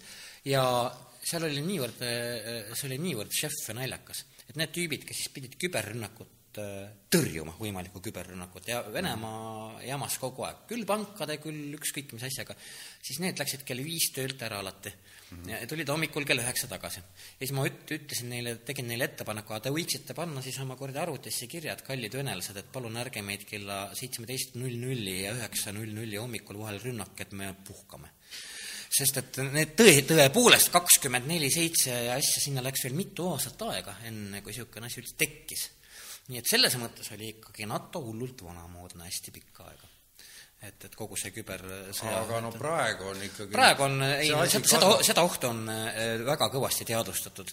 Ja, ja, ja fakt on ka see, et ähm, see on kuramuse ohtlik asi aga noh, meil on Eestis on täitsa korralikke spetsialiste sel alal ja, ja, ja jumal tänatud, et ka läänemaailm on taipama hakanud, et tegelikult eh, läbi küberi sekkutakse valimistesse, poliitpropagandasse, kuni siis selleni, et nad eh, võivad mingi kuradi osariigi elektri kinni keerata, kui on väga kõva häkker, eks ole, noh. Ja kusjuures see info just, et ma just panin oma sinna Facebooki seinale, panin dogi Marshall McLuhanist kuuekümnendast aastast pärit dokumentaali, kus ta räägib, kui, kui televisioon tuli, siis ta ennustas seda, et, et nüüd on, sõda on meedias, kolmas maailmasõda käib juba, noh, varsti on kõik pilbasteks ja läbi. Ja, ja, ja, ja ta ei, ja ta ei teadnud midagi internetist noh, ja, ja, ja, ja tegelikult see, mis ta rääkis, on see, see, mis täna toimub. see on see, et, tihtipeale ja see, seda juhtub paar korda sajandi jooksul alati, et otsustajate põlvkond on jäänud ühel hetkel äh, reaalsusest mingi paarkümmend aastat maha ja see on hästi tavaline, see on tegelikult jube tavaline, see on kogu maailma riikluste ajaloos on see alati nii olnud. et mingid vanamehed ja vanamutid stakivad kuhugi ära ja sinna nad jäävad, nad ei saa pihta, et, et tegelikult jõgi voolab edasi samal ajal, noh et, et kui nemad üritavad oma paisjärve tekitada. Et noh, pole midagi parata, et see on, see on äh, paratamatu loodusseadus. et see on väga tõsi on see, et riigiga võiksid tegeleda rohkem need inimesed, kes seal elama hakkavad, tulles tagasi siis äh, noored poliitikasse teema juurde. ja mitte inkubaatori noored, mitte need, kes on, kes on siis ütleme, ma ei tea, kasvanud partei kontoris äh, koopiamasinasse paberipanijana, eks ole, siis ma just mõtlen, et nii palju, kui neid noori ma näen oma noh, laste pealt või, või nende kellest üks kannab Che Guevara särki.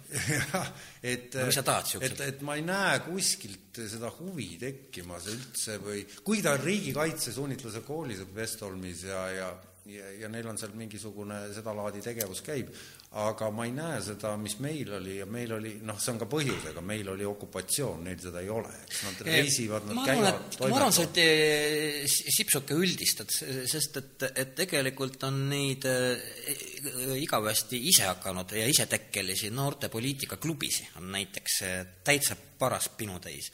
ja no kus nad on ja mis nad teevad? no näiteks nad, neil on nagu workshopid, töötoad, nad arutavad samu seadusi, mida meil parasjagu vastu võetakse, Kellega nad arutavad?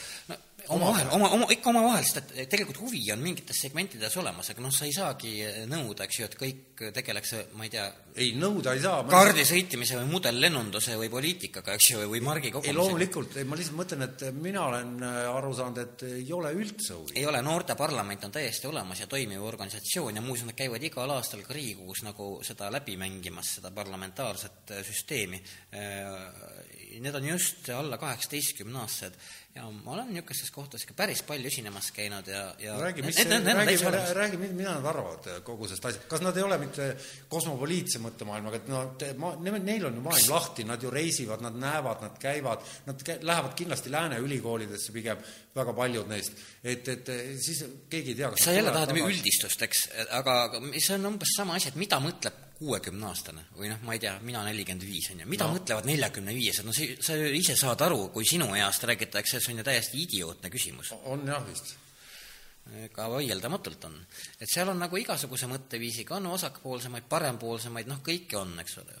aga noh, et, et, et lõppkokkuvõttes võib-olla tõesti, et see vasaktõus äh, võib-olla Eesti öö, noorte seas ma polegi seda nii väga märganud, seepärast ma loodangi, et Hans Luiger ei ole selles punarohelise partei sünnis õigus ehk küll aga on see jah, läänemaailmas küllaltki popp.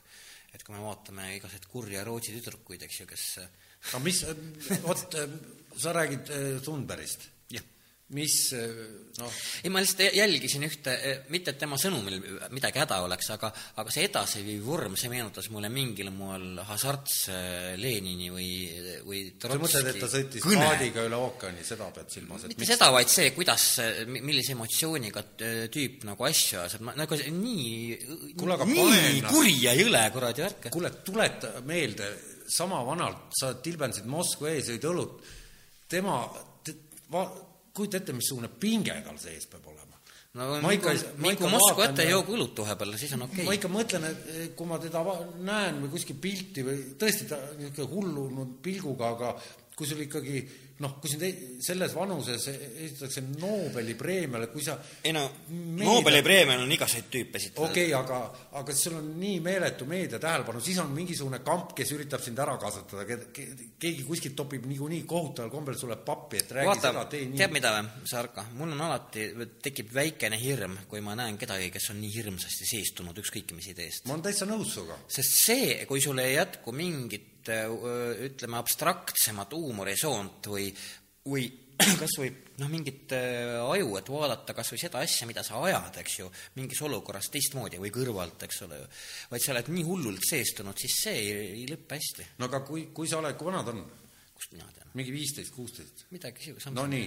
no ühesõnaga ette õlut ja oma paras. no nii, ja sa oled se-, selles vanuses no okei okay,, tüdruk-poiss tänapäeval vahet pole, et et sul on kunagi oli või? sel-, selline, selline pinge, et sellele vastu pidada, see, see noh, see, see, see ei ole nalja, nalja. ei, see ei ole, ma, ma ju veel kord ütlen, et, et ma ei räägi, ma ei kritiseeri tema sõnumit ja selle vajalikkust, aga, aga ma näen hirmsat seestumist.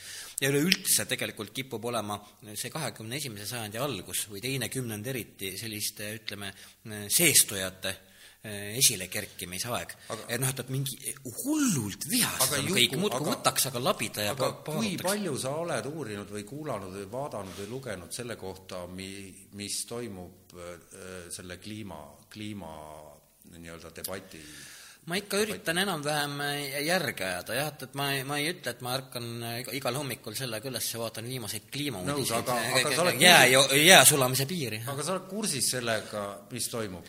Teatud määral ikka jah. nii, et aga, aga ütle mulle, on sul mingi reaalne retsept, et kuidas inimesed peaksid aastaks viis, viis, kaks tuhat viiskümmend või kaks tuhat kolmkümmend, kuidas keegi nüüd need, mida nad tahavad saavutada, siis päriselt ka saavutama, ehk siis et see eeldab, et inimeste käitumine täna päevapealt homme hiljemalt või tegelikult juba oleks pidanud üleeile, muutub radikaalselt. aga mi- mis, seda ei juhtu. aju ei ole niisugune. Nii, ja, ja Seda ei juhtugi. et sa arvad ka, et me sureme välja lihtsalt, jah, sellel sajandil? Äh, ei arva, sellepärast et äh, inimkond on küllaltki sarnane, sarnane toode, äh, kui võrrelda prussakatega näiteks, eks ole ju. nüüd mis mõttes? no selles mõttes, et väga halvasti sureme välja. sa mõtled, et elame üle? Jah, mingi teatud osa ilmselt küll, kui ka mingi suur katastroof tuleb, no ma, ma ei räägi mingist kukust, meteoriidist, vaid ma räägin meie enda põhjustatud kahjust. ei no ma mingi mõtlen, osa ma ei räägi ka meteoriidist. et noh, siin on ju neid, vaata neid, neid stsenaariume on nüüd küll, küll rohkem vande, teoree-, vandenõuteoreetilisi küll vähem, küll täitsa mõistlikke stsenaariume on küll, aga ega nad väga lõbusad ei ole miski, eks ole ju. Ükski, eks ju, kui me räägime mulda korrosioonist äh, alates, eks ole, et noh, inimkond jääb nälga, siis see on näiteks üks noh, noh, see on nagu see fakt, see on kindel, et sellise kasvu juures see varem või hiljem juhtub, mis siis tähendab seda, puha, puhta vee puudus, eks ole, väga, väga paljudes kohtades, mis siis viitab kindlasti sellele võimalusele, et tuleb uus rahvaste rändamine, mida tegelikult ju kuhu sa rändad?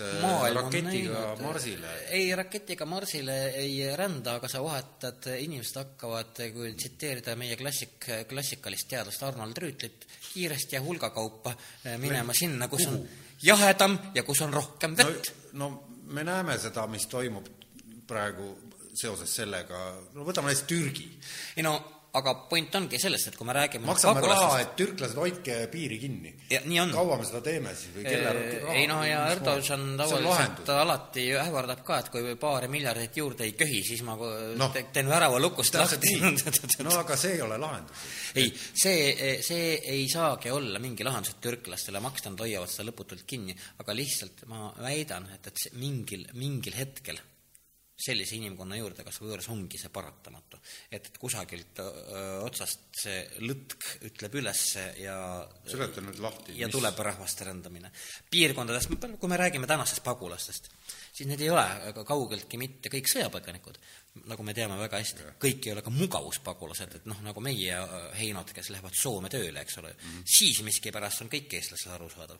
kui keegi tahab siia tööle tulla eh, mugavuspagulasena, no fucking way, oota, aga kliima, kliimapagulasi järjest rohkem. Aafrika regioonidest, kus pole enam vett, lihtsalt konkreetselt kaks miljardit inimest elab selles piirkonnas.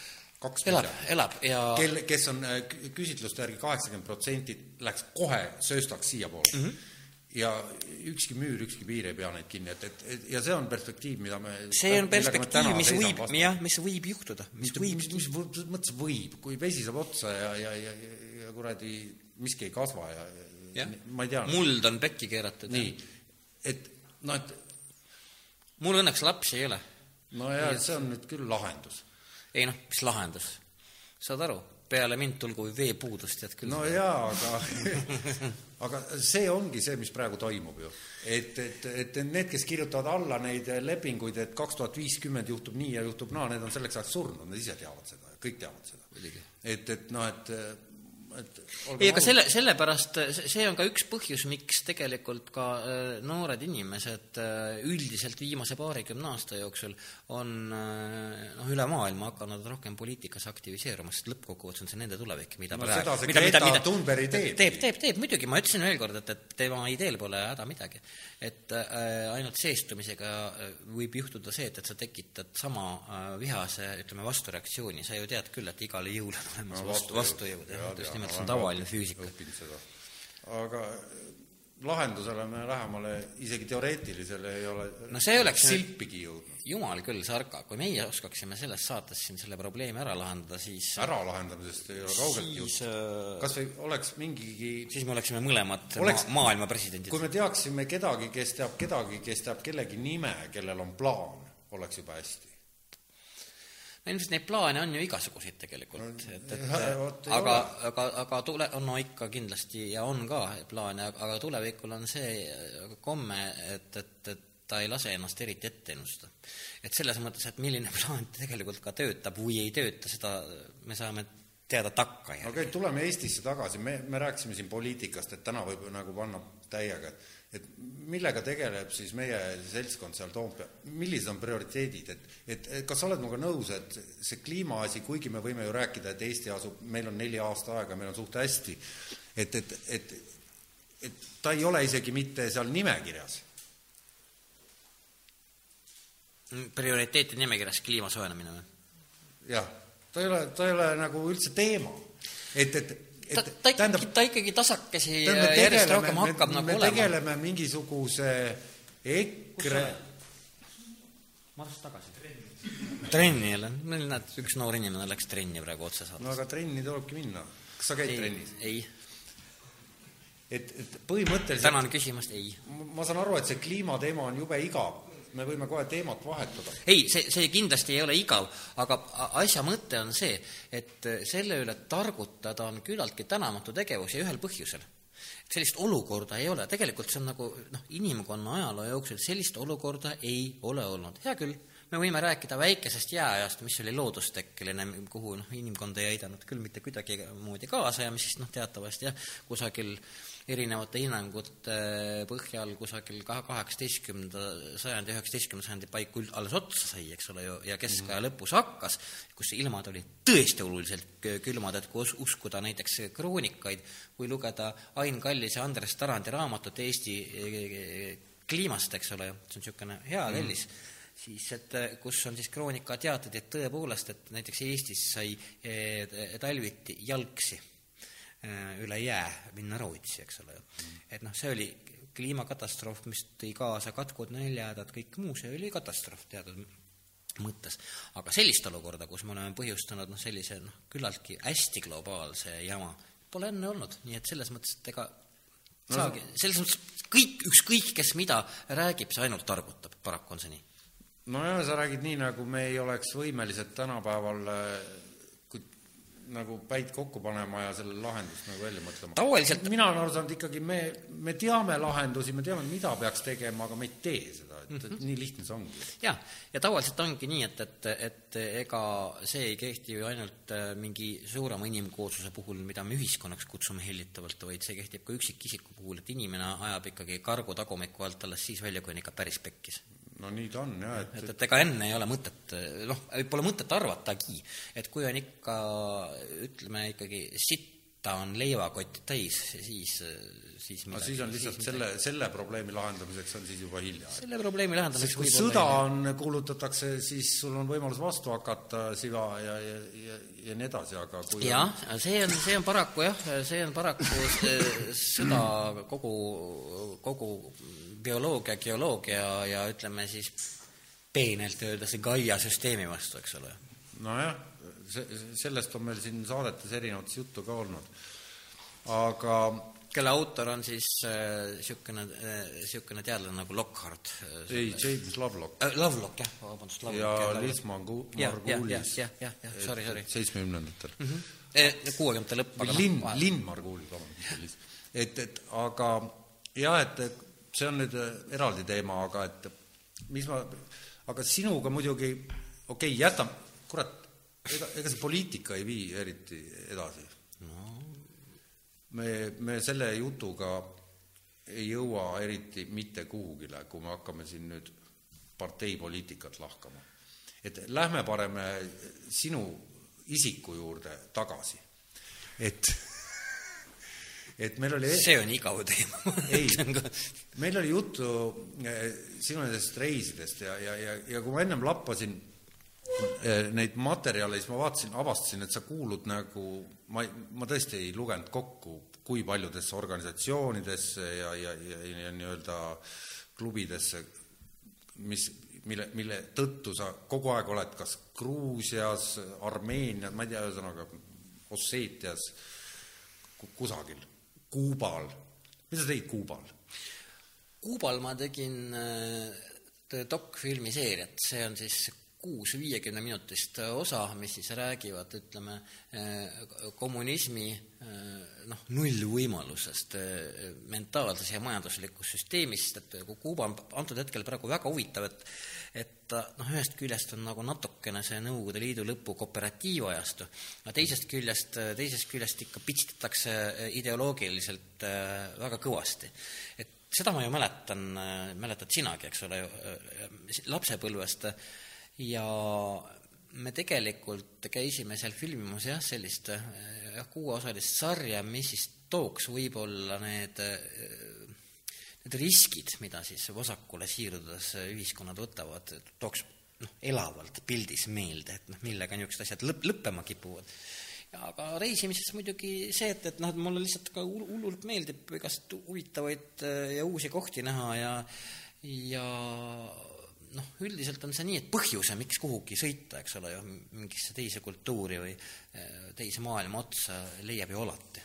ütle mulle, kas see sinu kirjastatud raamat Ar-, Ar-, see Aasmäe, see, mis oli mõttetute riikide mõttetute riikide aabits, et ja. kas sa oled need mõttetud riigid ise ei, ei, läbi ka käinud? ei, kuna sellel aabitsal oli hoopis üks teine teooria, et, et antud hetkel, kui, kui minul see mõte pähe tuli ja ma selle Aasmäele pähe määrisin, et tema kui majandusgeograaf võiks hakata kirjutama, siis meie kindel teooria oli see, et sellel ajal oli maailmas kas sada kaheksakümmend viis riiki või? No see arv kõigub küllaltki pidevalt ja lõppkokkuvõttes ma nüüd ei tea ju, et noh, kuidas mida ka võtta, et noh, et, et noh, võta nüüd kinni, kas Abhaasia on riik, ehkki ta iseennast peab, aga tunnustab ainult Venezuela ja Venemaa, on ju, või, või, või noh, on ta Gruusia osa, et noh, seal on neid agasid aga põhimõtteliselt on see, et eh, meie teooria oli see, et maailmas ei ole ühtegi mõttekat riiki, nii et tegelikult Aasmäe paraku sai, eh, sai surma ja ei jõudnud kõike sada kaheksakümmend riiki ära kirjutada.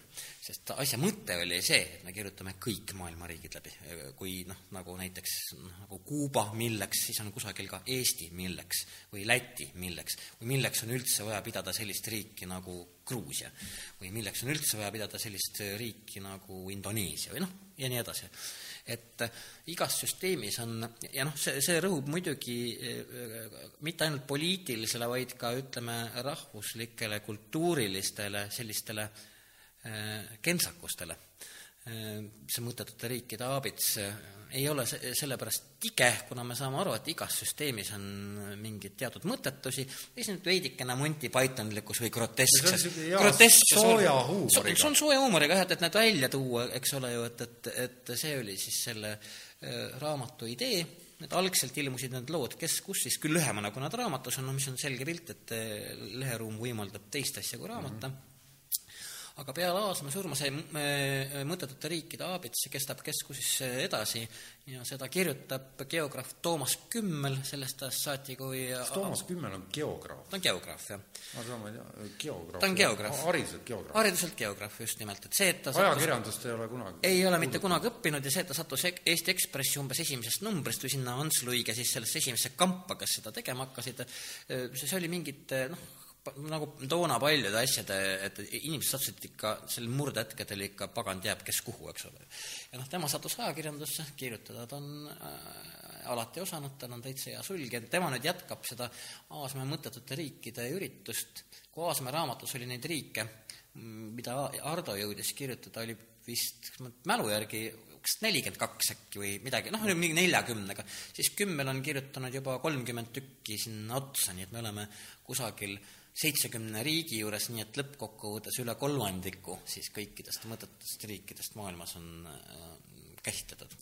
et me mõtlesime, et kõige viimasena võtame siis Eesti. Oleks... ja sellest tuleb ka raamat, jah. aga siis oleks mõistlik teha kohe teine osa, kus oleks tuleb. sama, samad riigid, aga mõistlikud riigid, ehk siis vaatenurk oleks risti vastupidine. kui see, kui te võtate ette juba kõik riigid.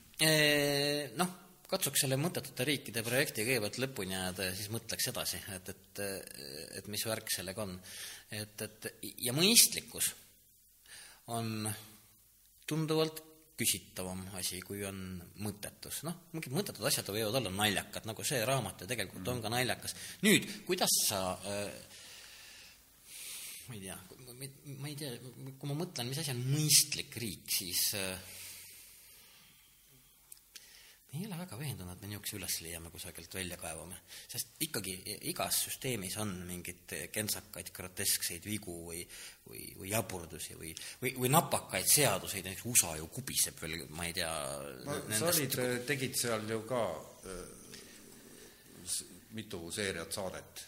jaa, seda oli kaksteist tükki, see oli Ivo Linna Ameerika lugu, kui Herbert Murd, kes on siis see lõunaosariikide spetsialist, eriti Texas, no Texas eriti, aga muud mm. lõunaosariigid ka, et äh, Volkonski kursavend Lavakast kunagi, eks ole ju, ja, ja üldse ääretult lahe tegelane. kunagi tegi Pärnus džässfestivali Fiesta, mida ma pean pandi vangi. enne seda, tähendab, kunagi ammu seda teada. jah, jah, ta kitarri mängimise eest Ei- Pärnu rannas. ja, ja ikka muidugi, ta, ta on istunud ikka päris mitu korda, et küll, küll mitte pikalt, aga hästi lollide põhjuste pärast, et, et noh, et, et ja temaga siis jah, sai see asi tehtud, see oli siis Kanal kaheteistkümnes jooksis, et me sõitsime Sibu linnaga läbi ja just nimelt lõunaosariigid. kas oli sul aga... esimene kord USA-sse minna või? ei, ei olnud minul esimene kord see USA-sse minna.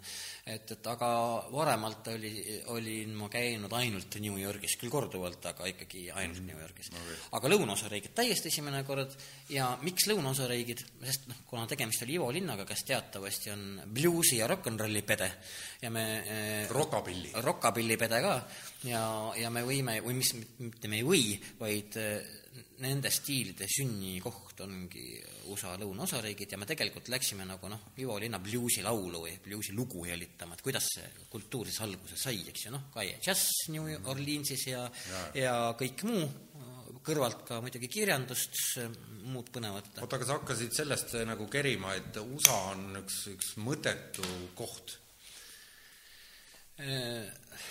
No jälle, et, et kust otsast mõttetu, kust mitte mõttetu, noh et, et see, see on ju õudselt palju hinnangute andmise küsimus, no näiteks, et juba see kas või, et kui me veel e- nendest seitsmest osariigist, mis me läbi käisime, igalühel tekkis kindlasti mingi oma lemmik, no näed, Herbertile on Texas kõige sümpaatsem raudpolt, eks ole.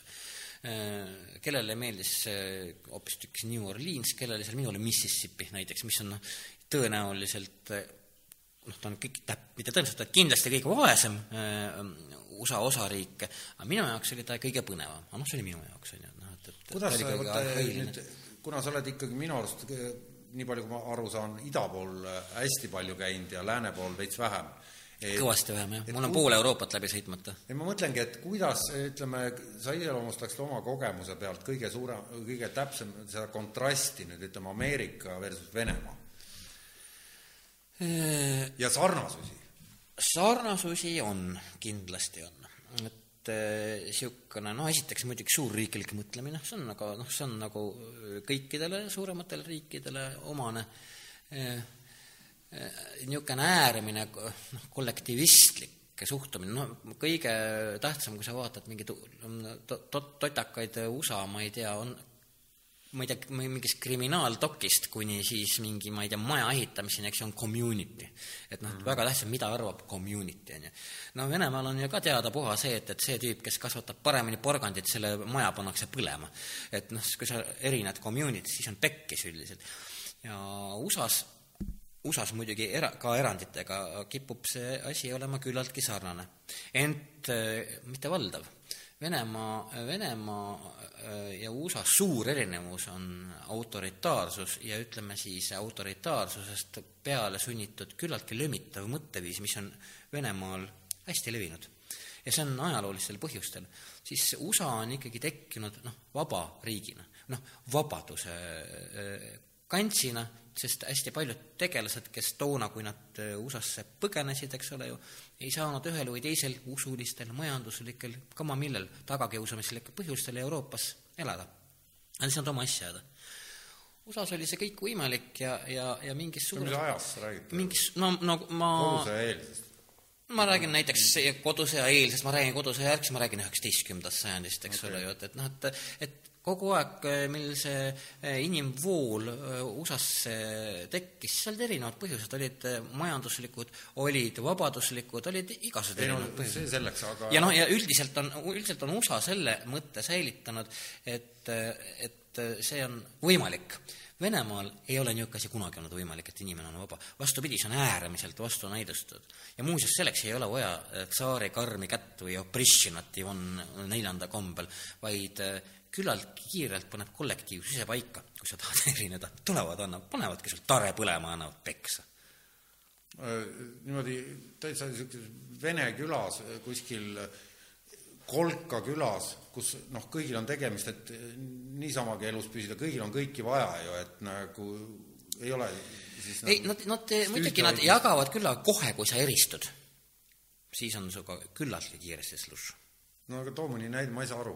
Tähendab, mis mõttes eristud, mida seal eristada on võimalik? okei okay., räägime, on olemas üks, praegu ma autorit ei mäleta, te saate guugeldada, üks ilus raamat eesti keelde tõlgitud Miks Venemaa ei ole Ameerika. et noh, eeldused justkui on, riik on suur, mingi, mingi süsteem funkab, aga et üksikisiku vabadus ei ole asja alus vaid on juba läbi siis õigeusu ja läbi, äh, läbi tsaarivõimud on kollektiiv, on igal juhul eespool üksikisikut, see küllaltki iseloomustab ka näiteks Hiina ühiskonda, eks ole, kus sina oma vabadustega oled mingi noh, ühesõnaga käi kanni, et unusta ära, et, et nad ja see ühtlasi tähendab ka seda, et just nimelt, kui sa astud sammu äh, kas erineva minu poolest riietuse, mõtteviisi või äh, mingis muus suunas, siis sind see küllaltki äh, amorfne, äh, selline kivistunud äh, kollektiiv karistab varem või hiljem ise. ja seal on näiteks, selles raamatus on üks väga tore noh, veits ilukirjanduslik, aga minu meelest küllaltki tõelähedane näide, seal on nimelt küsimus inimene ja igavik, eks, et noh, mismoodi siis Venemaal seda tajutakse, mismoodi läänes tajutakse. ja jutt on siis sellest, et kui noh, nagu ütleme, noh, tinglikult siis Euroopas on harjutud sellega, et kui inimene ehitab näiteks maja, ehitab ta selle kivist võimalikult vettpidava katusega, võimalikult kvaliteetselt, et äh, see, jumal küll, pange oma telefon kinni. et, et, äh, et see kõik oleks pärandatav põlvest põlve, selles mõttes, et sinu tütrele ja pojale ja see on nagu igikestus ja see on nagu, kuule, lõpeta ära. see on nagu igikestus ja igavikulisus. siis mm -hmm. Venemaa kohta on sellel samal vene autoril, see on vene, venelase kirjutatud raamat mm, -hmm. näidet, et aga tõepoolest ka venelane on huvitatud igavikust ja mistõttu me lähemegi suvalisse vene külla, vaatame, et, et osimik on täis pekkis, eks ju, katus on sisse kukkumas, käepäraste kiletükkidega on asi parandatud, aga venelase igavikulisuse igatsus väljendub vähemalt selles, et keegi on raudselt plangule kirjutanud, et nojah ühesõnaga, ennast niipidi põlistanud. et eks ta veidikene groteskne on, aga, aga eh, selles on teatud pointi, mille üle täitsa ikkagi maksab mõelda. ja ma mõtlen, et vene huumor on asi, millest ameeriklane mitte mingil juhul aru ei saa. kindlasti. ja just ja nimelt, jaa, just nimelt. kuigi selle... ma ei tea, mis on Ameerika, no mõnda filmi olen näinud. no ikkagi need, jaa, naljad on kindlasti teistsugused, nagu ka Briti naljad või, või Eesti naljad, mis on pigem niisugune musta huumori laadne, meie sobime hästi ju selle Briti süsteemiga kuidagimoodi, et noh, kui me vaatame ka näiteks sedasama John Cleese'i, kes eks ju meil mais tuleb, ma ei tea, kas kahe tonniga müüdi kõik lagedaks, eks ole, noh, Monty Python, mida me siin kusjuures praegu ta on ju aktivist ja ta on jällegi ju ka noh, ta päris aktiivselt te-, tegeleb ütleme, ühiskondlike jaa, ta on, nad, nad on ikkagi üldiselt kõik Monty Pythoni kuus tüüpi on seda äh, läbi aegade teinud ja nende sketšid on ju ka sellised hästi noh, ühiskondlikult teravad, aga Venemaal on kindlasti lihtsalt sellist ütleme, tõlgendamatut, ajuvaba ja täiesti kirjeldamatut absurdi, mis muidugi ühest küljest teeb selle koha ähm, väisamise ja vaatamise noh, mingil moel vähemalt minu jaoks võluvaks, sest et neid kohti, et issand jumal, mis asja nad jälle on teinud, seda on nagu kõvasti. aga see on kummaline, et kui lugeda vene, ütleme, sellist kirjandust, mis, mis on hea huumoriga ja mõelda, et no võtame kas või need no seal on absurde nii palju, mille üle irvitada ja, see muidugi loomulikult arendab huumori aga naljakas on see, et, et kui Nepi-aegne kahekümnendate aastate Venemaa kirjeldused näiteks äh, Ilfia Petrovi kaksteist tooli ja kuldosikas. nii, ja, ja, ja kui ma vaatasin, ma olen näinud seda Hollywoodi versiooni, kus nad püüdsid sellest filmi teha. see on täielik jama. ja, ja, ja ongi ja, ja ma mõtlen, et, et tegelikult ju mille üle nalja visatakse, on need kapitalistlikud alged või justkui see peaks olema ameeriklastele arusaadav, mis ja nad ei saa mitte midagi aru. ja tegelikult on see, mille üle seal Ilf ja Petrov nalja viskavad ja mitte ainult eh, nende kaasaegsed Ilja Ehrenburg, eks ole, ja oma Julio Uranitas või, või, või minu poolest kas sa Platonovi Gradovi linna oled lugenud? ikka olen no, no absoluutselt. purilennuk heina ja ta, ikka muidugi, või Vassiljev Aksjonov hiljem kuuekümnendatel, et, et, et tegelikult nad võib-olla see varastamine on üks asi, mida ameeriklased nii hästi ei tunne. varastamine kindlasti siis jah, ühiska-, ühiskonna mingil moel jah, niisugune noh, ütleme paralleelelu, eks ole ju, et, et noh, et üks on siis nagu see ametlik, teine on see paralleelelu.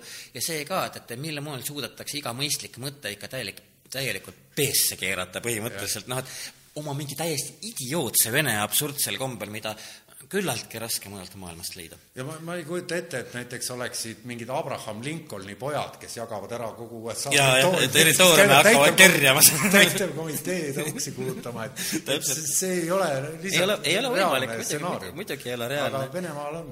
Venemaal on see reaalne, sellepärast et, et, et noh, see, me läheme tagasi selle, selles, et üksikisiku elu on alati noh, küllaltki küllaltki ebatähtis, eks ole ju, ja, ja sinule kui inimesele võib alati noh, või ühel teisel kombel pähe istuda, mis siis teeb äh, mingil ähm, absurdsel kombel inimesed nagu, nagu veidikene lollakalt leidlikuks, aga samas mitte nagu järjekindlalt, vaid puhuti, sest et äh, see, see on ma arvan, see on jah, selles kultuuriruumis või selles ajaloos ikkagi jube kõvasti kinni.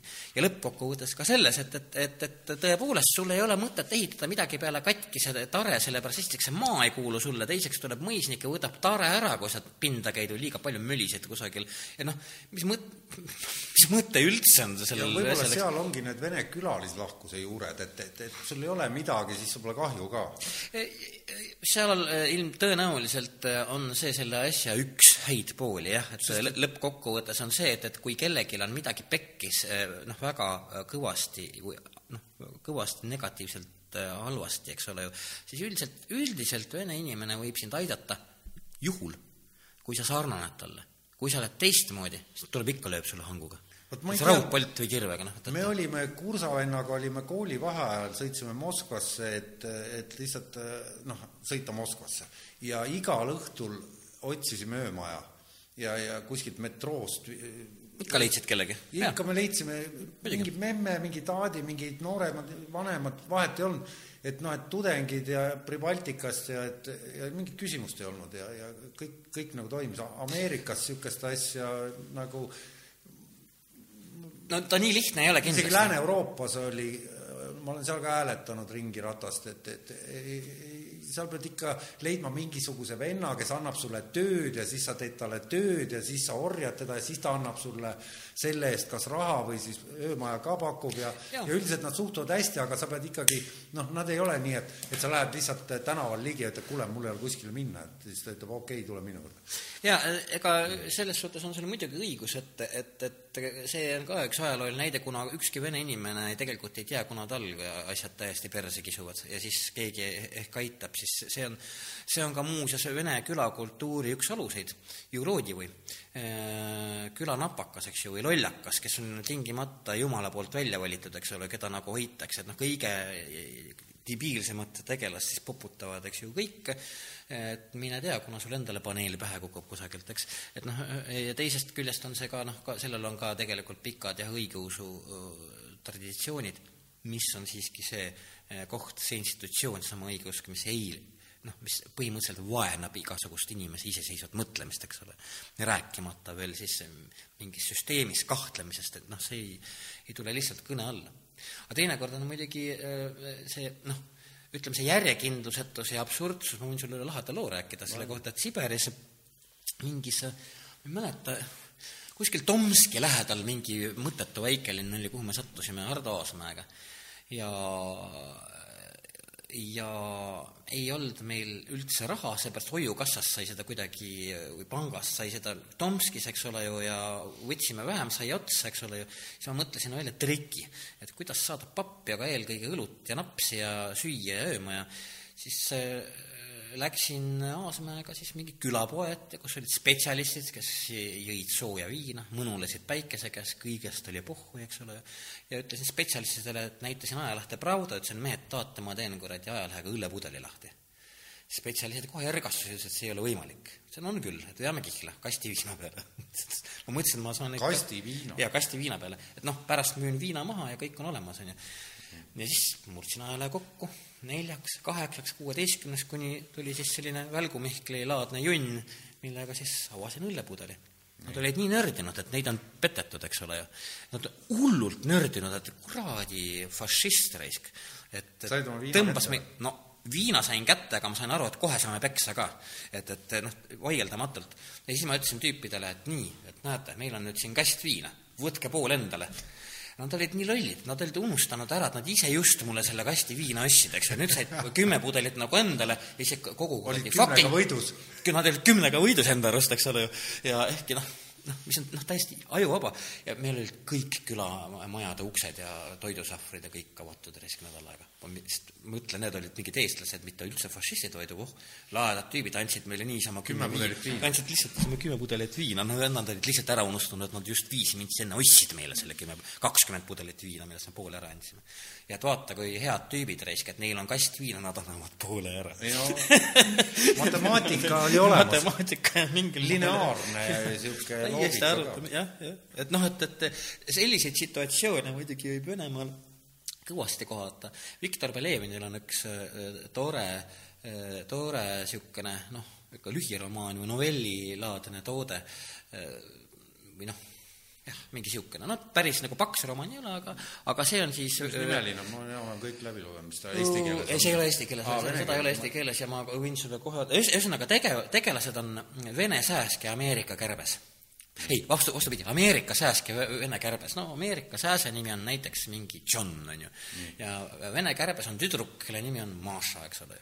Aga nad on kirjavahetuses, siis see John Ameerikas sõidab, lendab, ühesõnaga sääsk lendab Vene kärbsele külla, eks ole, siis nad lähevad piknikule, mingid joodikud USA-s muidu, siis kui Vene kolleegid kohe hoiatama, et ära raisk paganama eh, neid liiga palju imet, muidu on täiesti pekkis, on ju, aga John mingi läheb ja imeb ku- endal noh, sõna, sõna otseses mõttes joodiku juurest londi nii umbe, et on, tal on ilge pohmakas pärast ja ta on jumala juua täis ja aga Vene kärbest Mašat hakkab armastama ja kutsub juurde Ameerikasse elama ja siis Vene kärbse esimene küsimus on, kas seal Ameerikas sitta ka on see on nagu Belevini selline teos, mille peale siis sääsk John vastab, Navalem.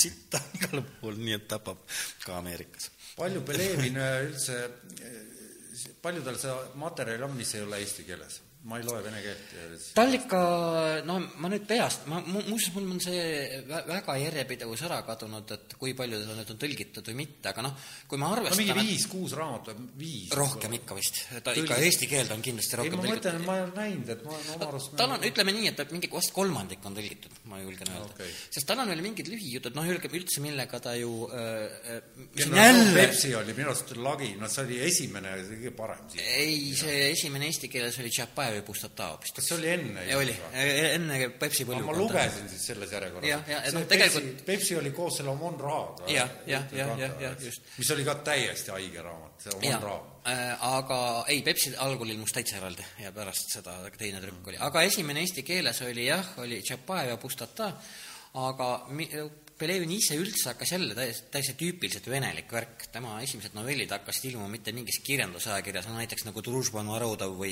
või Zvezda või Njeva, mis on sellised noh, no kõvemad, eks ole ju, vene kirjandusajakirjad, kaugeltki mitte. sa ei arva elu sees ära, kus ta esimesed need absurdsed novellid ilmuma hakkasid. no kus ma oskan arvata? no see oli ajakiri Nauka ja Žizn teadus ja elu, vot nii, et noh, et, et, et noh, selle kohta võib ka öelda, et võimalik vaid Venemaal, noh, et, et noh, noh mingi täiesti žanriväline, täiesti peatoimetajal oli pohmakas, ta mõtles, ah anna siia ja ilmselt ta ei saanud mingit teadust artiklit kätte ja teadlasel oli omakorda pohmakas ja siis pohhu paneme selle ja noh, umbes nii, noh, sa tead küll, kuidas see oli käib. ikka tõsiselt teravmeelne, teravmeelne autor. on, on, on, noh, Venemaal muidugi see kirjandus on Venemaal alati äh,, alati olnud hästi huvitav ja, ja just see ühiskondliku absurdsus annab selleks ju ka kõvasti ainest. no seal on noh, Venemaal on noh, sa tead seda, sa oled seal ikka rohkem kõvasti rännanud, et et, et see absurdsus tuleb sulle tänaval vastu, et see, see Jah., see on nagu, ta ongi sinna sisse kodeeritud. on jah, ja et ma mõtlen isegi mingid väga lihtsad asjad nagu tänava, tänavareklaamid, eks ole ju, mis võivad olla nii poliitiliselt ebakorrektsed, et mida ei ole ku- noh, mitte üheski teises riigis pole inimesel isegi isegi niisugused ideed pähe tulnud.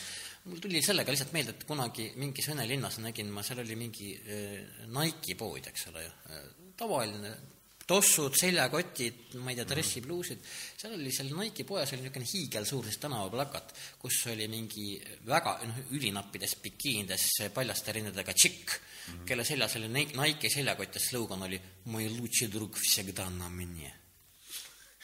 no mne no mne, mis tähendab seda, et mu parim sõber on alati mu peal, mis on ka ühemõtteline eh, eh, viide ropule keppimisele, eks ole ju ja noh, ja kuidagi Nike'i kontor neelas selle alla, eks ole, mis on nagu noh, kujutad sa pilti, mis, mis ühesõnaga no, sa ei saa ju see... no Pelevinil oli ju seal, oli see tegelane, kes oli copywriter ja kirjutas Mercedes-Benz kuuesajale niisuguse reklaami, et oli niisugune mersu nina ja siis kahe peaga kotka, siis Mercedes kuussada imperia-, imperiali-, imperialistski, jah. niisugune tüüpiline, no täiesti ehe ja, kraam. ja, ja, ja see läheb neile peale no.. ja neile see läheb peale ja peale selle, need noh, kuna päriselust võetud reklaam, millest mina rääkisin, eks Belevin ja kõik teised, Sorokin või Kamagi, kellist mm, -hmm. mis kaasaegsetest ja mineviku ajakirjanikest, tegelikult on need ju äh, küllaltki täpselt mingit elust äh, maha kirjutatud, noh, võib-olla veidi ümber kirjutatud situatsioonid ja ometigi äh, kipub Venemaal olema nii, et, et ükski kirjanik ei suuda välja mõelda seda, mida sa noh, võidki suvalises külas näha lihtsalt, mis on nagu lihtsalt niivõrd jabur. no aga päriselu ongi äh... no ja päriselu on kunstist alati sama võõra ees et siin, siin ei ole nagu kahtlustki, kui ikka kuulata lugusid, mis inimesed räägivad, no kunagi ju vaata, kui Vene kroonus käisid mm, -hmm. tulid tagasi ja mis sealt tuli, et mm -hmm. et noh, niisuguste asjade peale lihtsalt on keeruline tulla ja meie ühine sõber Ott Sandrak on ju noh, kui, kui ta suu lahti teeb ja hakkab neid äh, vene muuseas, ma räägin saatevaatajatele ka, Ott Sandrakul äh, on maailma kõige kihvtim kommunismi definitsioon, kui ma siin ennem vasakpoolsusest rääkisin. aga seda ei mõelnud Ott ise välja, vaid ta kuulis seda mingilt kahelt vene jorsilt Riias taarapunkti sabas, kuhu need olid siirdunud õllepudelid ära andma. ja ta seisis nende taga ja siis üks vend ütleb teisele, et defineerin sulle kommunismi. noh, defineeri, ütleb teine huviga. vaata, kommunism on see, kui igaüks teeb absoluutselt seda, mida ta tahab ja kui ei taha, sunnitakse. Nii et see on, see on küllaltki kongeniaalne. Jah, ja selle definitsiooniga nüüd võikski pöörduda, et kas kellelgi on küsimusi? Ja Sarka, sa küsid nii tarku küsimusi, et keegi ei suuda sind üle trumbata. nii, ja siis,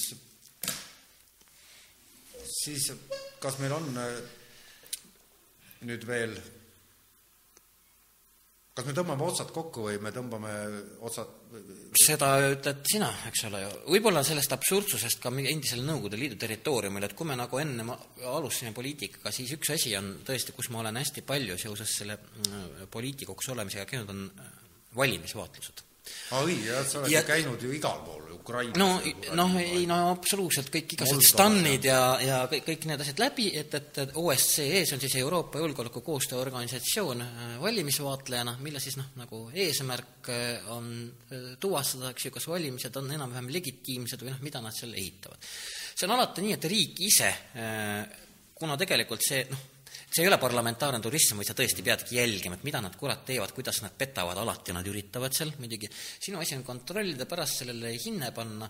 point on selles, miks need riigid on ise huvitatud, et OSCE neile võimalikult hea hinde annaks, sest et see on nende eh, hilisem välispoliitiline kaubanduse ja muu kaart, eks ole mm. -hmm. et kui eh, valimisi väga hullult tsiiditakse ikka, noh, eh, siis on see, et, et ega väga keegi sinna pärast investeerida ei taha, sest see on ju selge, et nad panevad kõik piistu ja sellel noh, et ei ole mõtet, on ju, et eriti noh, et selles mõttes on see äh, alati mm, see hosting riigi või valimiste riigi alati on kutsutud need OSCE vaatlejad.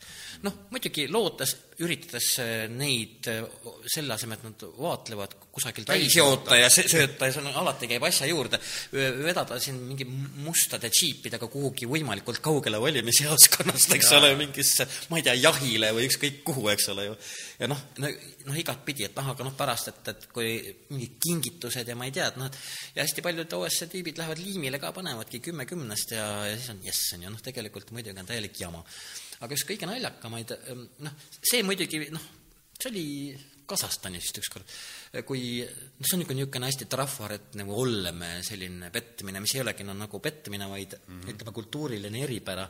kui ühes mingis maakohas, Jeljanogorskis või ma ei mäleta, kus ta oli eh,, mm, Põhja-Kasahstanis Tšelinogradis või ma, noh, ühesõnaga vahet pole, ronivad, nad kipuvad siis mitmekesi kabiini ronima, mis teatavasti noh, ei ole õige, sest valimised on salajased, eks ole, ja häälid no on enne normaalsed. rääkisid jah, et mitmekesi no ja nad ronivad jah, et, et tuleb mingi vuntsidega vanamutt, kes noh, niisugune korpulentne emalaev, kes hoiab natist kinni oma meest, kes omakorda hoiab natist kinni oma täisealist tütart, nad ronivad kõik ühte kabiini, sa lähed tegema märkust neile, et no. kuulge, et ma olen nalja teete, et see, need valimised lähevad kehtetuks, eks ju, et mis asja te teete.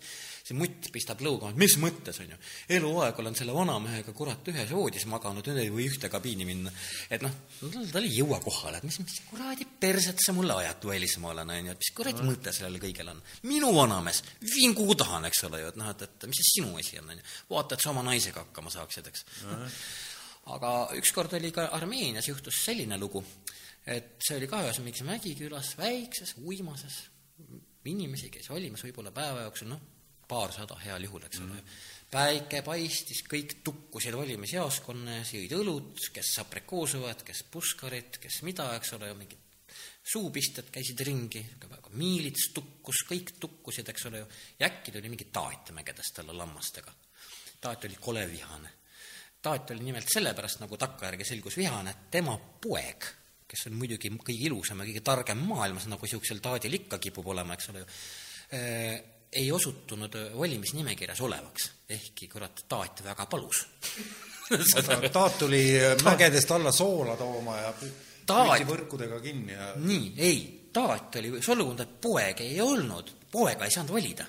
No keegi teadnud, et see poeg eksisteerib. ei teadis, teadis, taat oli käinud ennem külanõukogus mölisemas, et tema poeg peab olema nimekirjas, aga nüüd see oli Tšikitile taadile ilge solvang. Läheb valimisjaoskonda, et mida perset, Poega- poega ei ole nimekirjas. no see, nii ei saa raisk, eks ole ju. ja noh, kuna kõik tukuvad ja kõik on uimased, keegi ei pane midagi tähele, siis äkki kargas taat nagu välk valimiskasti juurde, haaras selle kaenlasse ja pani mööda kuradi külatänavat plagama no ennem kui kõik virgusid ja sirgusid ja taadile järgi jooksid, oli ta ümber nurga keeranud ja juba, noh, ühesõnaga, kui meie talle järgi jõudsime, oli taat valimiskasti põlema pistnud. et valimiskast põles, taat rõõmustas, vehkis kintšalliga ja karjus oma mingit mägede sõjalaulu seal, eks ole et noh, siis tuleb valimised kehtetuks kuulutada või niisugune asi? ei, siis tuli lihtsalt helikopteriga Jerevanist uus valimiskast taat ja inimesed uuesti valima. jaa, see, kuna see oli külas, kakssada tüüpi kõik uimerdasid edasi, käisid, valisid uuesti ära, taat seoti kinni, niikaua kuni valimiskast ära veeti, eks ole, sama helikopteriga, kõik oli tehtud. siis lasti taat lahti, siis ta räuskas, vehkis kinsalliga, siis korjas mu lambad kokku, läks mägedesse tagasi. noh, niisugune valimiste lugu. nagu no selge, et noh, selliseid asju, selliseid noh, asju on äh, oi, oi kui palju nende, noh, nende valimisvaatluste jooksul, kus ma olen jah olnud, neid on ikka noh, noh, noh, neist võiks jah omaette sellise toreda dokumentaalraamatu Millest võib järeldada- valimised milleks näiteks sellest võib järeldada, et me elame ikka tsiviliseeritud maailmas. meie elame tsiviliseeritud maailmas absoluutselt ja kõikidele tüüpidele eh, tervitan siinkohal kõiki inimesi Facebooki grupist Nostalgiline Eesti NSV heldimusega möödunust. Kas niisugune on olemas? on, seal, see on vist See on tõsimeelne või see on iroonia? tõsimeelne. ja see on, seal on nelikümmend kaks tuhat liiget, kes nutavad taga, on.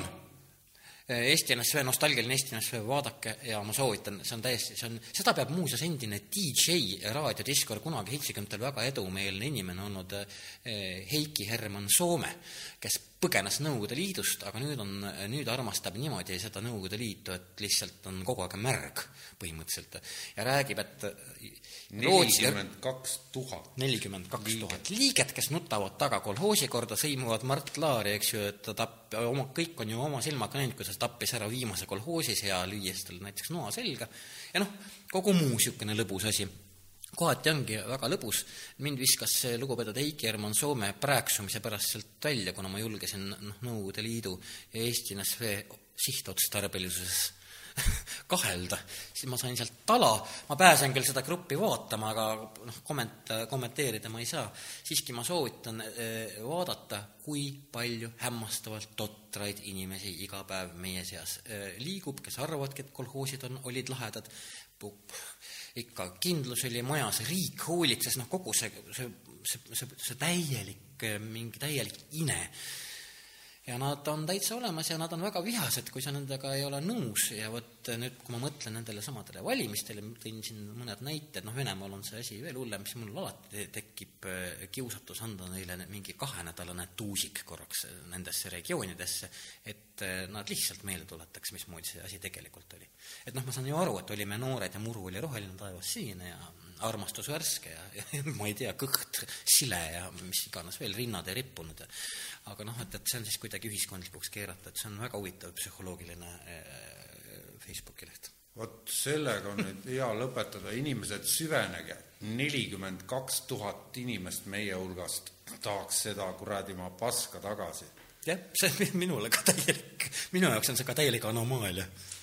aga noh et nagu me viimastest uudistest ka teame, maakera on teatavasti läpik. sellega lõpetame. aitäh, et tulid. ole mõnus